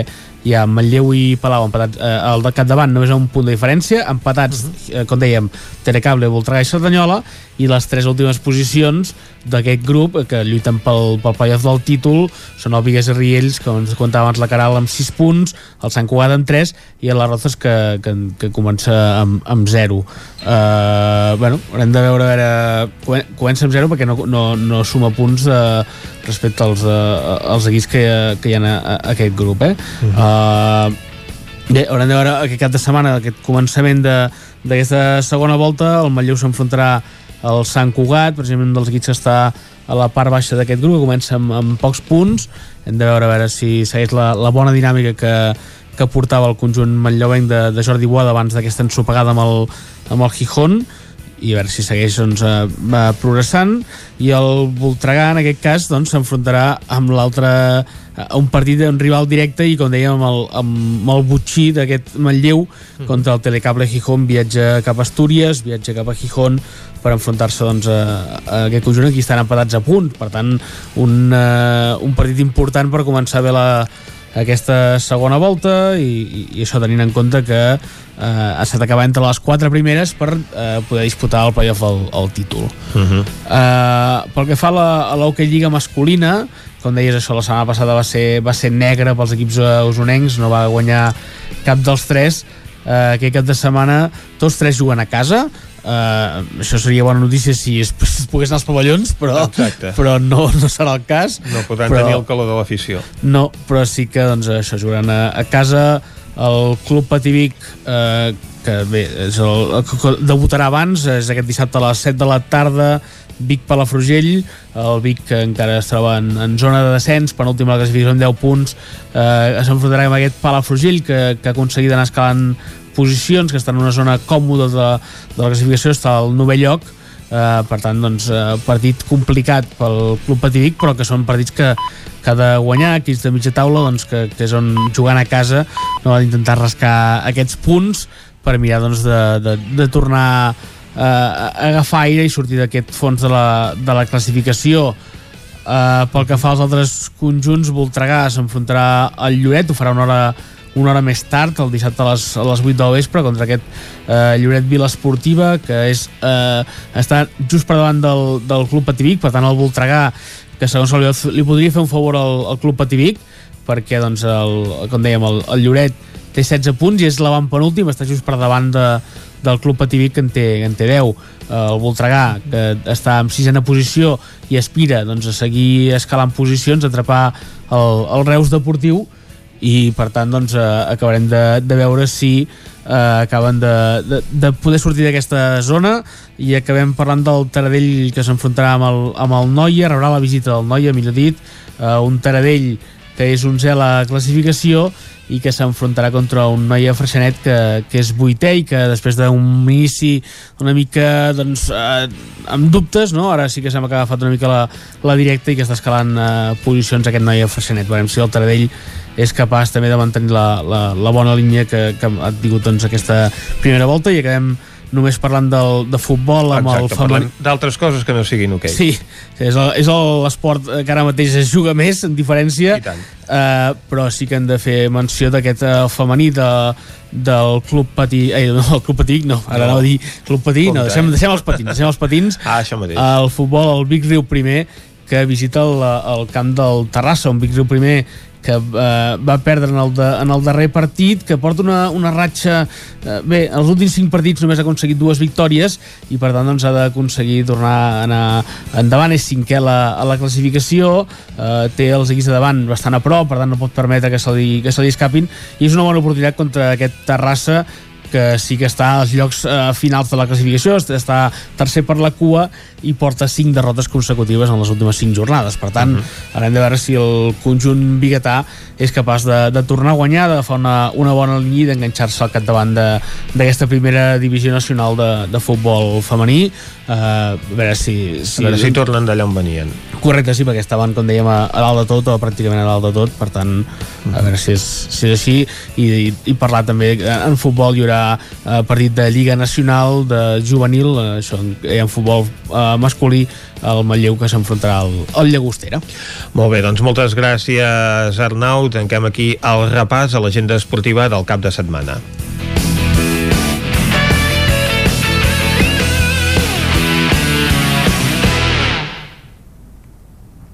Territori 17, amb Vicenç Vigues i Jordi Sunyer. I quan passen 3 minuts de les 11 del matí anem a fer un repàs a l'actualitat de les comarques del Moianès, Osona, el Ripollès i el Vallès Oriental. Tot a punt perquè es pugui votar amb seguretat als set col·legis electorals de Vic. En total, 27.198 persones estan cridades a votar a la ciutat el proper diumenge, 14 de febrer, en un dels set col·legis electorals preparats perquè tothom pugui exercir el seu dret a vot amb total seguretat. En una hora de premsa aquest dimecres, l'alcaldessa Anna R va remarcar l'esforç fet per l'Ajuntament perquè es garanteixin tots els protocols, tant pels membres de la mesa com per la ciutadania. L'alcaldessa va recordar que les persones que votaven al Palau Bujons i a l'Escola Estel ho hauran de fer a l'Escorial i qui votava al casal del mossèn Guiteres podrà fer-ho a l'Atlàntida. Dues noves propostes que queden el més a prop possible dels anteriors col·legis i que són de més fàcil accés. La resta de col·legis electorals es mantenen amb recorreguts d'entrada i sortida diferenciats, meses més espaiades en espais ventilats, aforaments limitats, punts de desinfecció, distàncies de seguretat i personal que vetllarà perquè es compleixin totes les mesures sanitàries. El regidor de Manteniment i Serveis, Albert Castells, recordava que tots els membres de les meses hauran rebut la formació prèvia i els dies previs se'ls faran testos d'antígens. De fet, els titulars i primers suplents rebran un missatge al mòbil des del Departament de Salut per fer-se el test i en cas de no rebre'l poden trucar directament al seu centre d'atenció primària perquè li facin. En el cas dels segons suplents poden demanar cita al CAP, portant el nomenament de la mesa i la targeta sanitària. Hores d'ara segons informa la Junta Electoral de Zona Vic s'han rebut 132 al·legacions per no ser representat a les meses electorals. A Vic aquest dimecres ja es van subministrar les primeres dosis de la vacuna d'AstraZeneca. A primera hora del matí, professionals del Cap Nord es prepararan per subministrar la vacuna d'AstraZeneca. Les primeres dosis del vaccí desenvolupat a Oxford les van començar a posar dimecres a 147 professionals. Una tasca que reprenia dijous. A la cua, que avançava amb lleugeresa, i esperaven, entre d'altres, farmacèutics, veterinaris i fisioterapeutes, tots menors de 56 anys, negatius de Covid-19 i lliures de totes les malalties incompatibles amb el vaccí. Professionals de salut celebraven l'acollida que ha tingut la nova vacuna i van esvair dubtes sobre la seva efectivitat. Anna Moreta és la directora del Servei d'Atenció Primària d'Osona. Pensem que sí que hi ha hagut bona acollida i que la gent s'està vacunant molt. Tampoc no hem d'oblidar que ens estem vacunant d'altre tipus de vacunes com pot ser la de la grip, que té una efectivitat molt més baixa i que estem contents i ens vacunem cada any. Vull dir que no hem d'oblidar que és una bona vacuna i que té una bona efectivitat. Potser perquè s'ha fet molta difusió, molta comunicació en els mitjans de que realment la vacuna de Pfizer té una efectivitat més alta, però la que té AstraZeneca és molt bona. Des del Cap Vic Nord preveuen administrar 200 primeres dosis al dia. A banda dels sanitaris que no estan a primera línia d'atenció de la Covid-19, les properes setmanes els cossos de seguretat i emergències també rebran la vacuna d'AstraZeneca. Les de Pfizer es continuaran administrant als grups més vulnerables i prioritaris. Imma Cervós és la subdirectora regional a la Catalunya Central de l'Agència de Salut Pública. Que ens hem trobat que hem d'integrar dues dues vacunes amb entorns socials diferents, és a dir, per edat o per vulnerabilitat. I el que farem és anar continuant amb aquesta capacitat d'integrar la, la doble vacunació, la doble línia, en funció d'aquests col·lectius. Els que esteu comentant es vacunaran, però continuarem amb la Pfizer, que és la vacuna recomanada en aquest entorn més vulnerable. El Cap Vic Nord és un dels 37 centres que aquesta setmana s'han habilitat a Catalunya per agilitzar la campanya de vacunació. El sector ramader del Ripollès es queixa que no van ser convidats a una reunió entre animalistes i Esquerra Republicana. Isaac Muntades, des de la veu de Sant Joan. En el marc de la campanya electoral, aquesta setmana Esquerra Republicana de Catalunya va fer, a petició d'unes determinades sensibilitats, una reunió telemàtica amb representants del Santuari Gaia de Camprodon, veterinaris i entitats ecologistes per parlar de polítiques de benestar animal. Aquesta trobada va generar certa polèmica a Twitter, ja que una membre d'Unió de Pagesos i responsable del sector social de dones d'aquesta entitat, Raquel Tubau, va compartir una captura d'Instagram del perfil on es feia pública la reunió i es va queixar de que, tot i tenir un sindicat majoritari i associacions ramaderes comarcals, no se'ls va convidar i es va convertir en una trobada animalista. Tubau explicava que els ramaders estan sotmesos a un munt de normatives autonòmiques, estatals i europees que han de complir i que són els primers interessats a fer-ho perquè els interessa que l'animal estigui bé. Tubau es mostrava decebuda en aquest sentit. Ja ho sé que no puc fer aquest símil, però ens queixem que donem molta veu a, a Vox, no? i en aquest cas és una mica el que està fent l'Esquerra Republicana aquí a la nostra comarca en aquest cas, perquè o ens escoltem tots o no ens escoltem a cap. I jo que em diguin que una persona que viu d'un santuari, que viu de donacions, que viu de subvencions, o un altre que té un gat i un gos tancat en un pis a casa seva són els que en tenen de benestar animal i en canvi nosaltres que estem treballant i vivim els nostres animals no hi entenem o no se'ns vol escoltar, doncs ho trobem injust. També es va queixar de que quan hi ha eleccions a prop hi ha més suport, però que cal mantenir-lo tot l'any. De fet, va dir que tot i que els polítics diuen que el sector de la ramaderia i la pagesia és estratègic, les ajudes que han rebut han estat insuficients. Tubau va apuntar que cal cuidar més el sector i va recordar que va de bracet amb el turisme. Ramaderia o pagesia, turisme, és que van molt de la mà i moltes vegades això a nivell polític s'oblida. I ho dic en el sentit de que una comarca com la nostra, que tenim un parc natural, que tenim prats de pastura, tot això hi ha la mà de la pagesia aquí que ho gestiona i la ramaderia, no? I la importància que tenim a nivell de gestió del territori no se'ns valora. I a més a més estem produint també aliments molt sants i segurs. El regidor de Sant Joan d'Esquerra que va participar en la reunió telemàtica, Sergi Albric, va dir que es va reunir amb aquests sectors més animalistes per explicar-los el programa d'Esquerra pel que fa al benestar animal, ja que hi tenen un extens apartat de protecció dels animals domèstics. El Bric també va assegurar que estaven disposats a parlar amb tothom. La voluntat en aquest cas ha estat obrir el debat per confrontar totes les posicions en un moment de, determinat. Vull dir, ahir es va fer aquesta primera reunió i esperem que sigui la primera de moltes en molts sectors, i ja no només amb l'animalista, vull dir, a nivell eh, comarcal ens hem reunit també amb la Unió Intersectorial, no? a nivell dels, de l'empresariat de la comarca, doncs, per parlar de temes econòmics, i per tant intentem d'anar-nos reunint, i així ho hem fet sempre, eh, amb tots els sectors, però són reunions per, es, per escoltar i per explicar doncs, el, el que es defensa en aquest cas. Tubau i el Bric es van trucar per aclarir la controvèrsia i es van emplaçar poder tenir una reunió entre Esquerra i el sector ramader del Ripollès. La Fundació Viver de Belllloc posarà en marxa un centre d'inclusió sociolaboral per permetre per persones amb diversitat funcional i trastorns mentals a la Garriga. David Oladell, de Ràdio Televisió, Cardedeu. Finalment, Viver de Belllloc i la Fundació Antiga Caixa de Manlleu han arribat a un acord de cessió d'un mínim de 10 anys d'una sala situada al carrer Pere Fuster que ja feia anys que no s'utilitzava. Concretament s'hi desenvoluparà un servei prelaboral per joves, el pas previ a la formació ocupacional. Carlos Sopenya, gerent del Viver de Belllloc. És el pas intermig que actualment eh, la nostra entitat pensa que necessita la, la comarca després d'haver fet un estudi. Només tenim un altre servei per elaborar la comarca, que és el que gestiona Intres a Granollers, el qual pensem que és un servei molt important per, per a aquesta població de la comarca. El servei oferirà 25 places que seran temporals, d'un màxim de 3 anys. Durant aquest període, les persones es formaran per accedir al món laboral, tenint en compte quines són les ofertes de les empreses de l'entorn. Carlos Sopenya. I el que procurarem molt és que des d'aquí mateix les persones puguin inclús accedir a fer pràctiques en empreses i algunes, algunes instrumentals, però aquestes instrumentals sobretot eh, es basen en, en formar en competències que són molt transversals també a, tot, a, tot, a tots els oficis. Ara Viver de Belllloc ja treballa per reformar aquest antic edifici. Durant aquest any s'elaborarà l'abans del projecte definitiu per trobar finançament amb la intenció de posar en marxa el projecte el segon trimestre de l'any vinent. Torelló ja té una instal·lació de workout per fer gimnàstica a l'aire lliure. Representants del consistori infantil de Torelló inauguraven aquest dimarts el nou workout. Ho feien al costat de l'alcalde Marcel Ortuño i del regidor de Participació Ciutadana Xavier Lozano. El nou equipament, ubicat a l'antic camp de futbol del barri de Montserrat, era un dels reclams dels regidors i regidores de l'antic consistori infantil.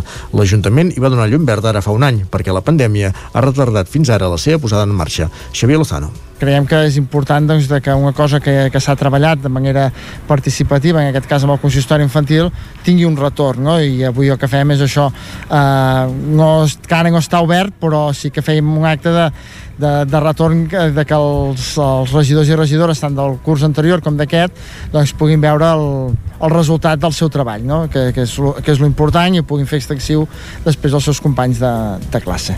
L'estructura de barres i anelles del nou parc permet la pràctica de l'street workout, una modalitat esportiva similar al crossfit nascuda a Brooklyn que consisteix a entrenar a l'aire lliure. Bé, aquest és un, un, un parc d'una modalitat d'esport que consisteix en, en exercitar la musculatura, diguéssim, però amb el propi cos i a, i a l'aire lliure. No? És, no, és, no és un parc de joc infantil, sinó és un parc de, de gimnàsia, per dir una cosa, però en vez de fer amb màquines, doncs es fa amb, amb exercicis amb el propi cos i així és a l'aire lliure. La posada en marxa del nou equipament ha rebut el vistiplau dels regidors infantils de totes les escoles de Torelló. L'espai cel del balneari Victòria de Caldes és nominat als Premis Arch Daily 2021. Caral Campàs, des d'Ona Codinenca. Els Arts Daily són uns prestigiosos premis d'arquitectura que anualment atorguen un guardó al millor edifici de l'any per diverses categories i a escala internacional. Enguany, l'espai cel del balneari Victòria, un espai reservat amb piscines i banys termals, és una de les propostes nominades a la categoria de salut i benestar, on competeix amb instal·lacions d'arreu del món. La millor, la nominació arriba poc més d'un any després que el centre termal rebés el premi al millor reposicionament o reforma que atorga CaixaBank. En aquell moment ja havia rebut també el Master Master Prize l'octubre de 2019. El jurat va valorar l'originalitat i el disseny innovador de l'Espai Cel. Sentim el director general del grup Victòria, Joan Anglí. Una miqueta ve de, de rebuf, diguéssim, del que vam estar fent quan vam inaugurar l'Espai Cel, quan vam inaugurar l'Espai Cel, eh, nosaltres, però sobretot l'espai d'arquitectura, amb la Maria Almirall al capdavant, doncs una de les coses que volíem fer era donar-li valor en aquesta part arquitectònica i històrica que tenia l'Espai Cel i diguéssim que entre altres, entre altres accions que vam fer, una d'elles doncs, va ser presentar-nos alguns d'aquests concursos. Més enllà del guardó, l'Espai Cel continua tancat a causa de les mesures anti-Covid, malgrat que el seu disseny li permet adaptar-s'hi fàcilment i des del centre apunten que no tornaran a obrir fins que amplin les restriccions pel que fa a mobilitat. Des que es va inaugurar el març de 2019, el centre termal utilitza només entre un 15 i un 18% de la seva ocupació, mentre que té la capacitat per 260 persones mai n'ha acollit més de 20 a l'hora precisament per mantenir el concepte de pau i tranquil·litat. A més, els arquitectes ja van tenir en compte la ventilació a l'hora de remodelar el subterrani i l'espai compta amb un 100% de l'aire reciclat de l'exterior. Fins aquí aquest repàs a l'actualitat de les comarques del Moianès, el Vallès Oriental, el Ripollès i Osona que hem fet amb les veus d'Isaac Moreno, Caral Campàs, David Oladell i Isaac Muntades. Ara nosaltres al Territori 17 anem a escoltar música.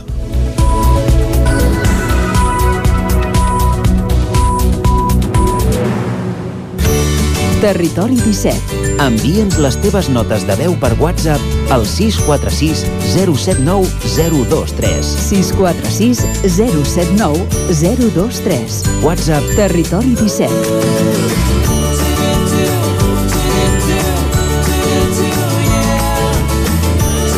Territori 17. Som a Facebook, Twitter i Instagram amb l'usuari Territori 17.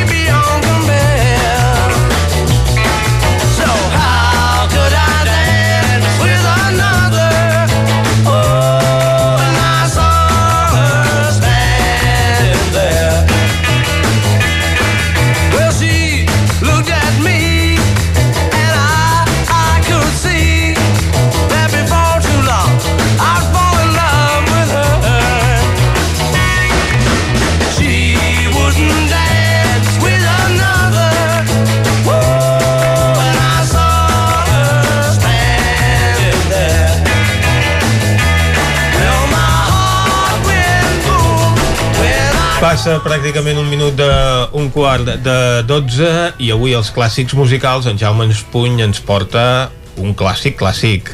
Sí, mira, eh, hi ha dates molt importants a la història mm del De la món. música? No, no, del món. Del món. No sé, el 12 d'octubre del 1492 van descobrir Amèrica.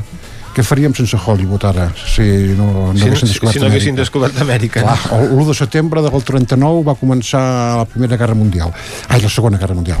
Però hi ha una data que encara és, és més important, el supera, que és l'11 de, de febrer. O sigui, ahir feia... eh, 11 de febrer del 63, 1963,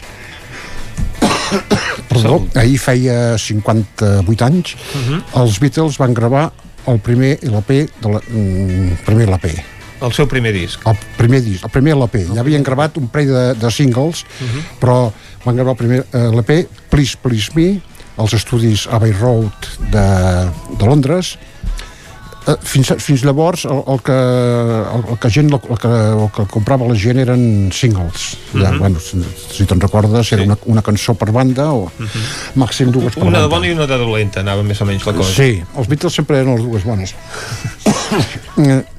I, bueno, i, aquí, I aquest dia, l'11 de febrer, van gravar, aquells estudis, 10 cançons, de les 14 que hi han, però 4 ja havien sortit en singles, les 10 cançons que faltaven les van gravar en 10 hores, o sigui, una hora, una hora per cançó. No Això- pas... El disc és mono, el disc, eh? No, Però bé, avui en dia és impossible, això. és clar, és que overduc, com es diu allò, over... Per molta tecnologia que hi hagi. Sí, hi ha molta tecnologia però, i, i molta, molta cosa fictícia. Aquí, clar, anava molt directe, no? Uh, tu, Com, com els havia anat al- als Beatles aquests primers singles que van treure abans aquest primer telegrama? el primer mm, força bé, el segon ja va ser la, bogeria. Precisament el segon single va ser el nom del, de l'EP Please Please Me, que ara escoltem. Please Please Me.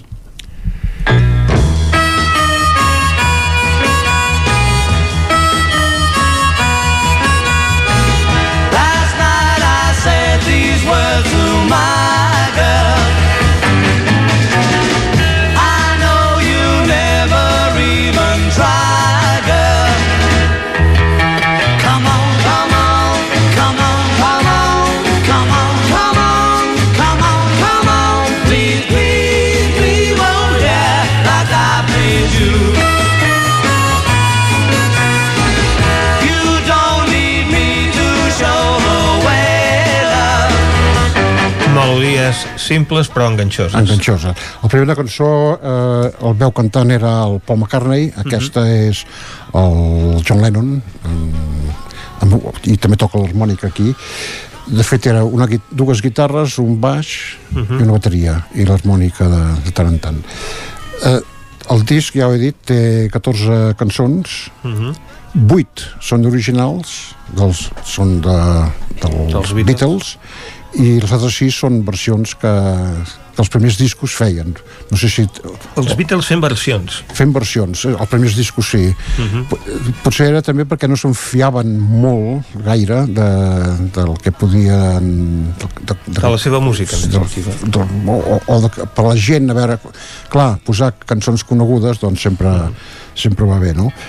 Eh, eh, una curiositat del disc és que les, les cançons del, dels Beatles, no sé si saps com, com estan firmades, Lennon McCartney, Mhm. Lennon McCartney sempre, excepte els de George Harrison, que és Harrison, però la majoria eh, que feien Lennon McCartney. Doncs aquí, en aquest disc, eh, firmen McCartney-Lennon, el primer disc, Mhm. que després el cap, es, oh, perquè van decidir van dir McCartney i Lennon però Mhm. algú de la, de la companyia va dir hòstia, no sona, sona més bé Lennon McCartney, Mhm. coses d'aquestes i van dir doncs ho canviem el Paul McCartney eh, No li devia va saber molt greu perquè que ja va sempre anar davant Aquí va començar tot l'embolic. Ah, exacte uh, el primer single ja, uh, que, que van gravar va ser Love Me Do que també està en aquest disc Mhm. que ara d'aquí un moment el sentirem Uh, però aquest disc, aquesta cançó té història perquè el primer a gravar-lo va ser el Pete Best, que va ser el primer bateria dels Beatles, que al final van, no, no, tirava prou i el van arraconar. I el single el va gravar el Ringo Starr però el George Martin, el productor de, dels Beatles, dels, dels discos dels Beatles de tots excepte un eh, no li acabava d'agradar tampoc eh, la manera que ho tocava el Ringo i van fitxar em sembla mentida, sí. van fitxar un, un, un bateria d'estudi uh, Andy White que després el va recuperar el John Lennon, per exemple, la Imagine és la bateria de, és la bateria, la bateria és Andy White. I aquí, aquí sona la bateria del a veure, ah, exactament la bateria de, de això va ser un embolic, la bateria és Andy White. El single és eh, el Ringo Starr. Escoltem Love Me Do que canta el Paul McCartney. Escoltem.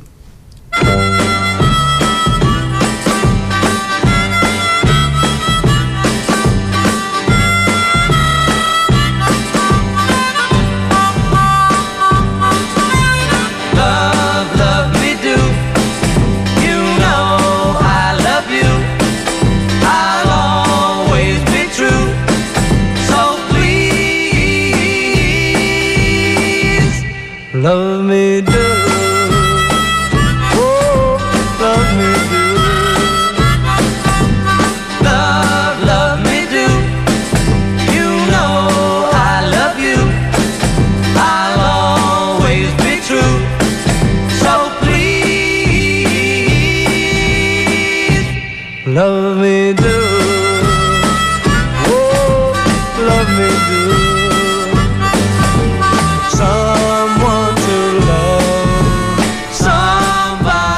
Sona, sona una mica antic, una mica senzill, no? Diríem. Eh, Sí, però... Però, però, això no, és- però, però aquesta però no música- passa de moda, aquesta no, música. no, no, no. I, però a més a més eh, va sobtar aquesta música, no era així la música d'abans, el rock and roll normal i corrent de l'Elvis Presley, però aquesta barreja de rock, de, de blues, també una mica, etc. De pop. De pop, bueno, esclar, mm -hmm. és que era pop. Mm -hmm. Vull dir, després a partir d'aquí van dir música pop, exactament. Però sona senzill, tot això, però eh, esclar, l'evolució dels Beatles va ser, era rapidíssima, perquè al, cap de 4 anys van gravar, per exemple, els Sgt. Peppers, l'únic que Soul Band, que Mhm. té una enorme complexitat, a més a més, una sonoritat fora de mida, instruments raríssims, des del sitar fins a violoncels, etc. No? Però ells mateixos es anaven canviant, anaven evolucionant, Anaven evolucionant. i anaven marcant el ritme, va ser així, eh, dels anys 60, el anaven marcant ells, ara, sí, ara toca psicodèlia, que no, doncs. Peppers. Uh, aquest disc va, eh, es va gravar l'11 de gener, però va sortir el 22... febrer. F- de febrer, perdona. L'11 de gener és quan faig anys. Ah, uh, el, però l'11 va sortir l'11 de febrer del 63. A Espanya va arribar el 27 de gener del 64. Un any. Un any. Un any després. Vull dir, vam estar És un que any, un any sense saber què passa aquí o què passa al món. Després què va, què va Els passar? Beatles ja feien una altra cosa al cap d'un any. Sí, no, no, però és que l'any 64 van sortir aquí a Espanya, esclar, eh, tu, que això, això, això triomfa i això ven i tot i que eh, els, els, el règim els considerava una mica pecaminosos, això dels, dels Beatles, i van sortir quatre discos, clar, els, els, els, ja n'havien gravat quatre com, eh, com a sortir. Eh, escoltem una altra cançó, aquesta és famosíssima, que no és seva, és de Bert Berns i Phil Medley, un, dos senyors que feien moltes composicions per gent, per grups i per coses d'aquestes, i aquesta eh, és molt famosa, i aquí és la primera que va triomfar aquí a Espanya, a més a més, eh, que és Twist and Shout. Well,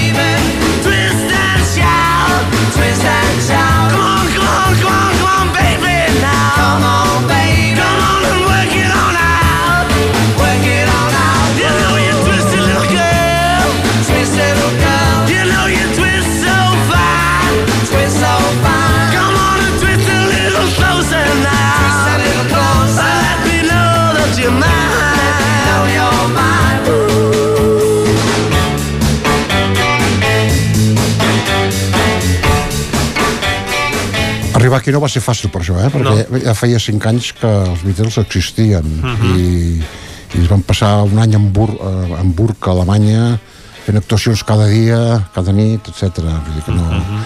Els va costar, eh, triomfar, però a partir d'aquí... Aquest disc Com a ja- tot arreu. Tot arreu, sí. I, I què ens prepares ara per acomiadar-nos per ja com a última cançó, cançó que escoltarem d'aquest disc de dels Lennon Beatles? McCartney, aquesta és més és calmadeta, el que cridava abans era el John Lennon, el Mhm. mateix que canta Imagine, cantava aquesta cançó, que és P.I.S. I Love You. Postdata, t'estimo. Doncs amb aquesta cançó acabem aquest repàs, aquest disc dels Beatles gravat un 11 de febrer. Ah, exacte. As I write this letter, send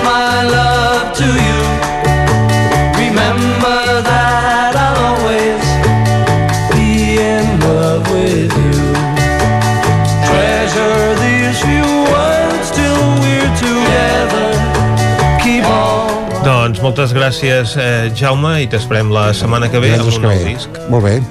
Fins divendres. Doncs moltes gràcies. Ara fem una pausa i tornem de seguida.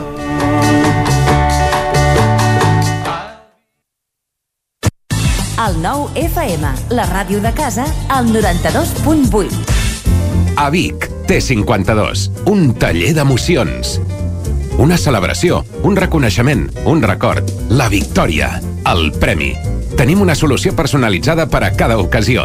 Ens trobaràs al centre, al carrer 941 i també a l'Horta Vermella, al carrer Menéndez Pelayo 31. Més informació a t52.cat. Hi ha sensacions que són úniques. Aquell bany relaxant, mirar per la finestra quan plou i com les calderes Bailand, que li ofereixen fins a 15 anys de cobertura total amb el servei tècnic oficial Bailand. Informis a Oficiat Nord trucant al 93 886 0040. Amb el servei tècnic oficial de Bailan, la seva caldera estarà en les millors mans. Cobertes serveis funeraris. Els nostres tanatoris estan ubicats en els nuclis urbans més poblats de la comarca d'Osona per oferir un millor servei. Tanatori de Vic, Tanatori de Manlleu, Tanatori de Centelles i Tanatori de Roda de Ter. Sabem que són moments difícils i per això el nostre compromís és atendre-us en tot moment amb un tracte humà, sensible i respectuós. Cobertes serveis funeraris. Telèfon 24 hores 93 883 23 46.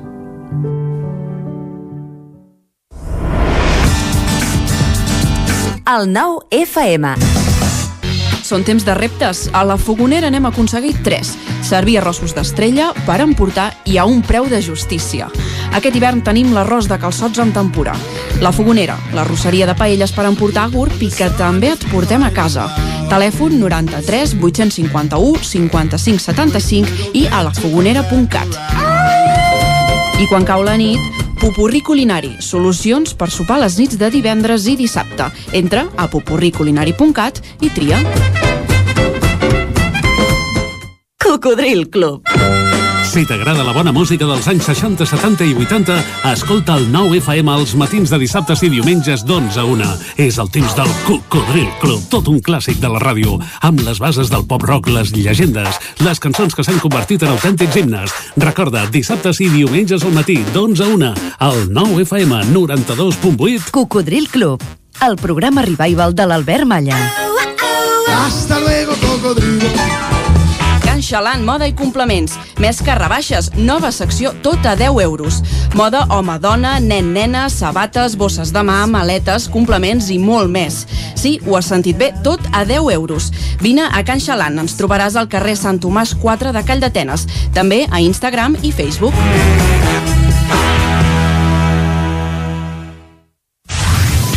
El 9 FM, el 9 FM, el 9 FM, el 9 FM. Territori 17.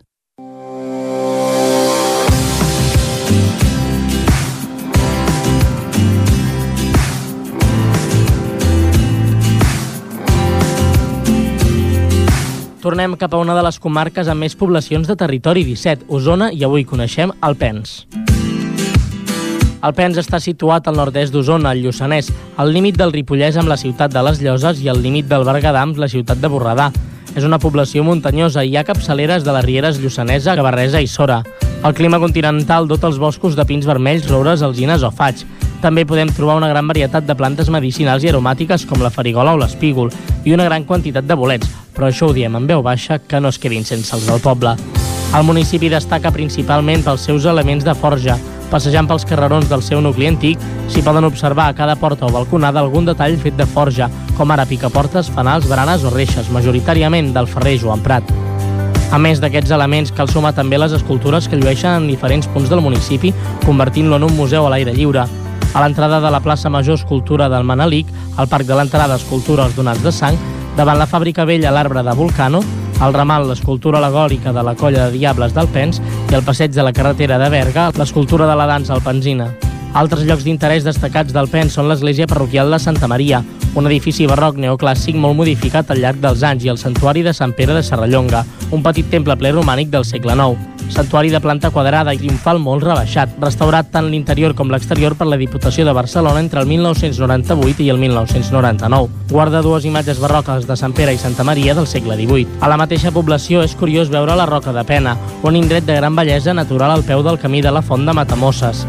Element singular de roca viva amb aspecte de mur, possiblement fruit de l'erosió o descomposició natural de la pedra. I finalment, si sou amants de les excursions de muntanya, podeu fer els cims del Puigdon i Puigcornador, els pics més alts de la zona, d'on es pot veure gran part del Lluçanès i comarques veïnes fins al Montseny, Montserrat, el Pedraforca i bona part del Pirineu al nord.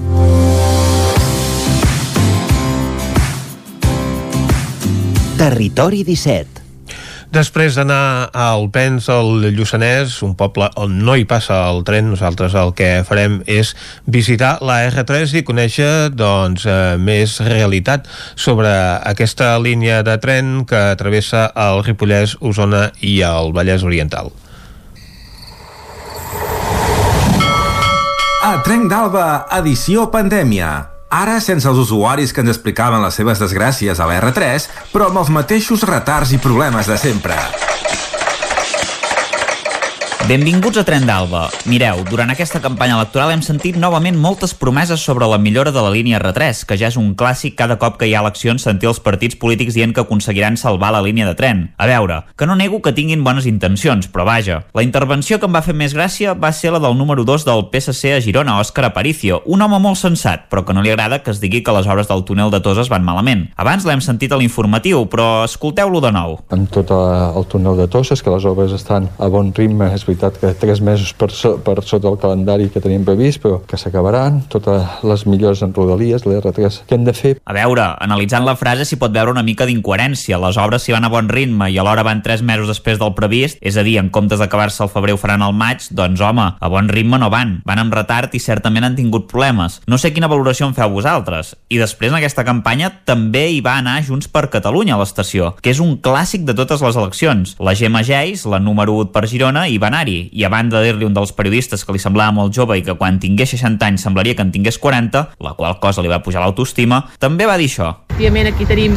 l'estació no, de la R3. Ja veieu quina és la deixadesa del govern espanyol, que planteja projectes a 2030 i potencien el corredor de Madrid en comptes del corredor mediterrani i aquesta visió de país que tenim nosaltres i defensem no la defensa. Eh? Per tant, nosaltres defensaríem que hi hagués el traspàs de, dels, de Rodalies a la Generalitat de Catalunya perquè ho gestiona més bé i és una evidència amb, la, amb els ferrocarrils de la Generalitat. A veure, també hi ha sis trens que es van suprimir entre Barcelona i Granollers que Novelles i el Departament de Territori amb Junts va tenir alguna cosa a veure, però és veritat que s'hauria de veure com seria gestionat de forma íntegra des d'aquí a Catalunya. La resta de partits no van parlar en públic del tren, tot i que el PDeCAT tenia la intenció de fer alguna reunió amb el col·lectiu perquè no ens fotin el tren. En fi, diumenge a les urnes veurem qui serà l'encarregat de complir les promeses que s'han fet al llarg de tots aquests anys. Va, ens retrobem dilluns amb més històries de la R3. Moltes gràcies, Isaac, per aquest recull de promeses electorals en ocasió d'aquesta campanya que s'han fet en relació, en relació a la línia R3, que efectivament doncs, ara mateix està tallada per aquestes obres al túnel de Toses, que com que s'allarguen, doncs no estaran tres mesos per sota del previst, sinó tres mesos per sobre del eh, previst, perquè fins al mes de maig no està previst que acabin, tot i que ja haurien d'estar acabades aquesta mateixa setmana. Bé, després de parlar del tren, nosaltres anem a parlar de gastronomia a la Foc Lent.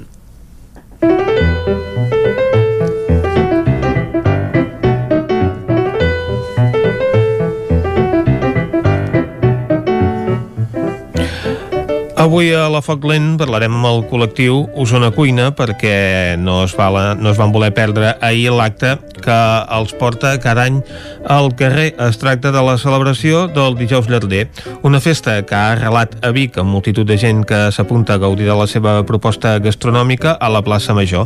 En aquesta 19a edició, però, l'activitat s'ha hagut de reformular a conseqüència de la pandèmia i el que s'ha fet és mantenir-la sense trencar la tradició però traslladant-la. Osona Cuina va portar els fogons i les graelles cap al sucre i al recinte firal es van dur a terme els preparatius i la venda del menjar que en aquesta ocasió era per emportar perquè no es podia consumir allà mateix. Volem saber com va anar aquesta festa, que millor que parlar-ne de primera mà amb el president d'Osona Cuina, Jordi Aromí, bon dia. Hola, bon dia. Vosaltres vau decidir que aquest any la festa no es podia perdre de cap manera. No, vam, vam pensar que s'havia de fer tant sí com no, i ja que hem estat tan pressionats no, aquests any, bueno, aquest any i mig amb el tema Covid, i era una festa que, mira, s'havia de fer d'una manera o altra, no? I eh, al final ho hem aconseguit amb tota la, la restricció, bueno, restricció, dir, tot el compliment de les normatives de, de seguretat, segons el Covid, i n'estem molt contents. Uh -huh. Va anar bé, per tant, no es va poder vendre doncs, tot el que eh, es venia en d'altres anys, evidentment, però més o menys es devia anar sobre les previsions? Sí, la veritat és que vam, anar, vam, vam preveure fer més o menys un 50% Mhm. i, i vam estar allà. Vull dir, vam, si no vaig errat, vam fer uns 1.400 entrepans i en teníem previst uns 1.500. Mhm. Vull dir que eh, les previsions es van complir de sobres i moltes gràcies a la gent que ens va passar a veure. Uh -huh. I el públic ho va agrair també el vostre esforç de poder mantenir aquesta tradició, encara que fos doncs, a un punt més allunyat del centre de la ciutat. Sí, la veritat és que ens sentim molt, bueno, molt estimats, no?, per dir-ho manera. Per, eh, molta gent ens ho agraïa, avui hem rebut difer diferents felicitacions de part dels sectors públics de, de Vic i ens, ens n'alegra molt, no?, de, que ja que hem fet aquest esforç de poder-ho fer, doncs que ens, ens, ens ho agraeixin. Uh -huh. I eh, quin és el menjar que veu preparant? Tenem que els habituals entrepans de botifarra i de rostit, no? Sí, el de la botifarra blanca, bueno, la botifarra uh -huh. tradicional, botifarra negra, cansalada, porc rostit i l'entrepà de caneló que ens va fer l'Escola d'Hostaleria d'Osona. Uh -huh. i, eh, i aquest entrepà de, de canelons, pots explicar una mica la, la recepta? Perquè això devia ser doncs, la cirereta del pastís, no? Sí, és un, és un entrepà que fan ja, de, ja fa diversos anys. Uh Mhm. -huh. el, vam, el vam provar un any, el, el va fer l'escola d'història, és- no deixa de ser un caneló d'aquests més grossos, no? dins Mhm. uh -huh. un entrepà amb la seva beixamel, ben gratinats amb la beixamel i tot. Uh -huh. I el primer any va tenir molt bona recepció i des de llavors, vull dir que ja cada any ja ens el fan, eh, tots els alumnes de l'escola, i després ens venen a donar de mà el dijous llarder, que jo no canso de repetir-ho, que el dijous llarder sense l'escola d'hostaleria d'Osona eh, no seria possible. Evidentment, perquè porta molta feina, no només eh, molts cuiners d'Osona Cuina, sinó, bé, fer tot el, el servei es requereix doncs, de molta gent, sobretot perquè en hora punta i en condicions habituals doncs, eh, la gent s'acumula allà amb unes llargues cues, no? Sí, sí, sí, al final fan falta mans. La, la, la, la gràcia d'aquest any no, era que no es, no es veia, per dir-ho manera, no es veia la, la, el volum no, que hi havia altres anys, uh -huh. es veia allò molt més separat, molt més tranquil de- de- d'exterior, no? però clar, per dintre, pensa vam fer uns 700 entrepans eh, a domicili, Uh -huh. Vull dir que, clar, vull dir que a fora no semblava que hi hagués l'estrès habitual del dijous llarder i a dintre anàvem com màquines perquè era això, que eh, al portar-ho fora potser no es veia aquesta gran aglomeració, però sí que de veritat en vam fer molts. Ah, per tant, la meitat del que es va consumir doncs, ho, ho repartíeu vosaltres mateixos, no? Crec que en aquells doncs, que en demanessin un mínim d'unitats. Sí, era un mínim de 10 unitats, sí que és veritat que en vam, bueno, estem molt agraïts de, de bueno, diferents empreses, escoles, instituts eh, que ens han demanat, ens ho han demanat, i també vam, vam intentar servir-ho amb la màxima puntualitat, però sí que és veritat això, no? de que eh, repartir per tot Osona Uh -huh. va ser una cosa que... Sí, no, no, va... No. La logística la, la, és la important, logística eh? va ser... Sí, sí, va ser... Bueno, però també ens vam estrenar, vam, vam veure, no?, que realment... I, i realment era gent de que altres anys no es podia desplaçar a, a la plaça Uh -huh. i, i ho, fe, ho, han, ho han provat d'aquesta manera. Uh -huh. Perquè en aquesta ocasió doncs, eh, la gent havia ja d'encarregar per endavant eh, el producte que, que volgués consumir de tota aquesta oferta que presentava ahir. Sí, una part sí, després sí que teníem una mica més, no?, perquè sempre hi ha gent que va passar allà i diu, ostres, què fan aquí? Va, mirem-ho, no sé què, i agafar un entrepà. Uh -huh. Però sí que teníem el 70% de, del que vam vendre eren encarregats. perquè, esclar, amb aquestes eh, quantitats i amb aquesta logística que parlàvem ara, la veritat és que es requereix de molts preparatius i de moltes hores per eh, tirar endavant aquesta festa i també per rostir el porc, no? Sí, sí, sí, bueno, preparatius, vull dir, estem parlant de... Ja ho hem començat a muntar tot de cara al... Passats l'estiu del 2020, sí que va ser complicat, no?, perquè muntaves d'una manera, després eh, tenies de canviar-ho, anar canviant, anar canviant, però mira, al final ens en vam sortir, i el porc sí que des de les 7 del dia abans, no?, anar, anar donant voltes allà al porc, Això són moltes Ah. hores de cocció. Sí, a la nit jo dic sempre, la nit més aviat confita, no, no rosteix, és Mhm. més que res perquè ja vagi agafant temperatura, i a les 5 del matí és quan ja acostem el porc a les flames i ja comença a rostir fort. Uh -huh. Aquesta festa té un doble vessant, no? Per una banda, donar-vos a conèixer al públic, però alhora també doncs, reivindicar el producte de la comarca. Sí, és la, és la, bueno, que és la, la festa insígnia d'Osona Cuina, no? El, el producte estrella, a part de... No, el, el producte estrella d'aquí a la comarca d'Osona és el porc i la tòfona, per la gran majoria de cuiners, i sí que al ser una festa allò important que 19a edició, vull dir que és una cosa que van començar ja a la primera ornejada de cuiners d'Osona Cuina Mhm. i han posat aquesta festa, no? ha posat un, un, un insígnia aquí a la comarca de dir el dijous llarder és una festa que se celebra i, i l'hem de, intent- l'hem de seguir tirant i l'any que ve amb la vintena a veure, a veure què fem. Esperem que es pugui fer amb normalitat i que això puguem celebrar aquest aniversari d'alguna manera especial, no? Sí, sí, sí, seria algo... Bueno, ara ahir parlàvem, no?, de que cada la setmana que ve ja començarem a planejar el de l'any que ve, Mhm. que si tot va bé i ho podem fer amb normalitat, sí que ens hauria de fer una festa ben grossa. Uh -huh. En Jordi Arumí també està al capdavant del restaurant L'Arca de Santa Eugènia. Com, com estan anant les coses ara mateix pel col·lectiu? Clar, ara, mate ara mateix aquest, eh, era un tema de que parlàvem, no?, de que Mhm. aquesta setmana sembla que ha sigut la, la salvació, si més no, dels que estem en pobles, Uh -huh.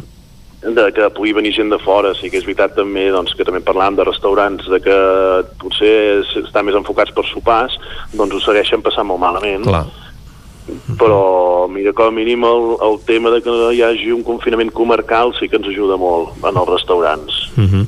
I el fet de poder obrir una hora més, no? cada, cada torn, tant els esmorzars com eh, els dinars, com eh, deies, doncs efectivament el sopar ja està perdut, que segurament hi ha molts establiments que se centren en aquest àpat, però que també en general doncs, sol ser eh, molts establiments allà on fan més calaix a l'hora del sopar, però almenys el, el fet que es permeti doncs, una hora més d'obertura en cada torn i també, com deies, que s'ampliï aquest confinament a l'àmbit de la comarca, segurament aquesta setmana s'hi haurà conegut una mica.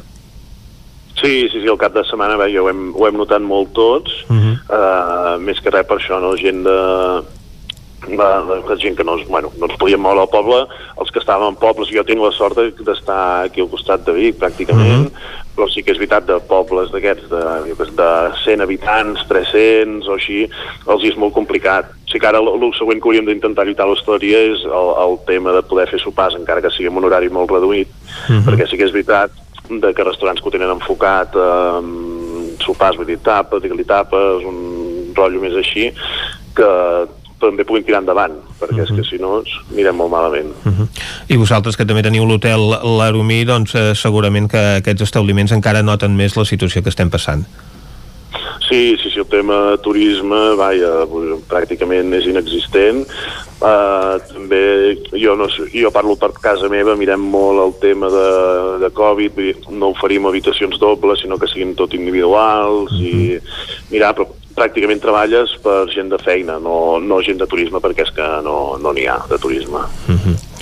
Doncs Jordi Aromí, president d'Osona Cuina, gràcies per acompanyar-nos. Enhorabona per aquesta tradició que s'ha pogut mantenir, la del dijous llarder, que va ser tot un èxit, malgrat les circumstàncies, i esperem això, que l'any que ve, amb motiu del 20è aniversari, la puguem fer ben grossa. Esperem que sí. Moltes gràcies per convidar-me. Gràcies, eh, Jordi. Nosaltres tanquem aquí la Foc Lent d'aquest divendres, l'espai de gastronomia i cuina que us ofereix cada divendres al Territori 17.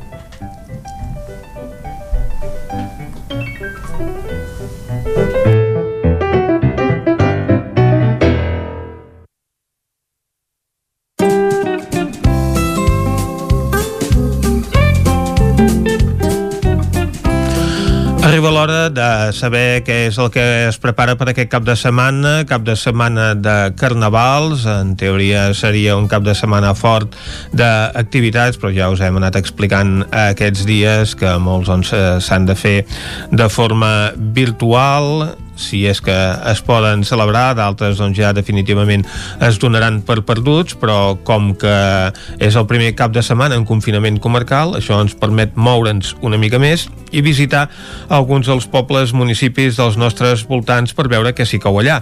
I ara això és el que volem saber. Farem una ronda per les nostres emissores que comencem amb l'Òscar Muñoz des de Ràdio Cardedeu. Bon dia. Hola, Vicenç. Òscar, explica'ns què podem fer per Cardedeu i els voltants aquests propers dies. Doncs mira, avui tenim tres propostes, Mhm. dues a Granollers i una a Cardedeu, totes a les 8 de la nit. O sigui, és l'hora clau. Molt bé. Avui sí, sí, a- perquè ja a- el confinament nocturn es manté, això queda clar i, per tant, més enllà de les 10 de la nit doncs no es poden programar activitats. Doncs sí. Doncs avui, a les 8 de, del vespre de la nit, eh, al Casino de Granollers tenim a la Lucía i a l'Horacio Fumero Duo dins el, del 31è Festival de Jazz Mhm. i el l'Horacio, que és un contrabaixista referent per més de tres generacions de contrabaixistes del país i ens porta aquesta proposta amb, junt amb la seva filla i ens mostraran la seva complicitat dins els escenaris doncs això, al Casino de Granollers.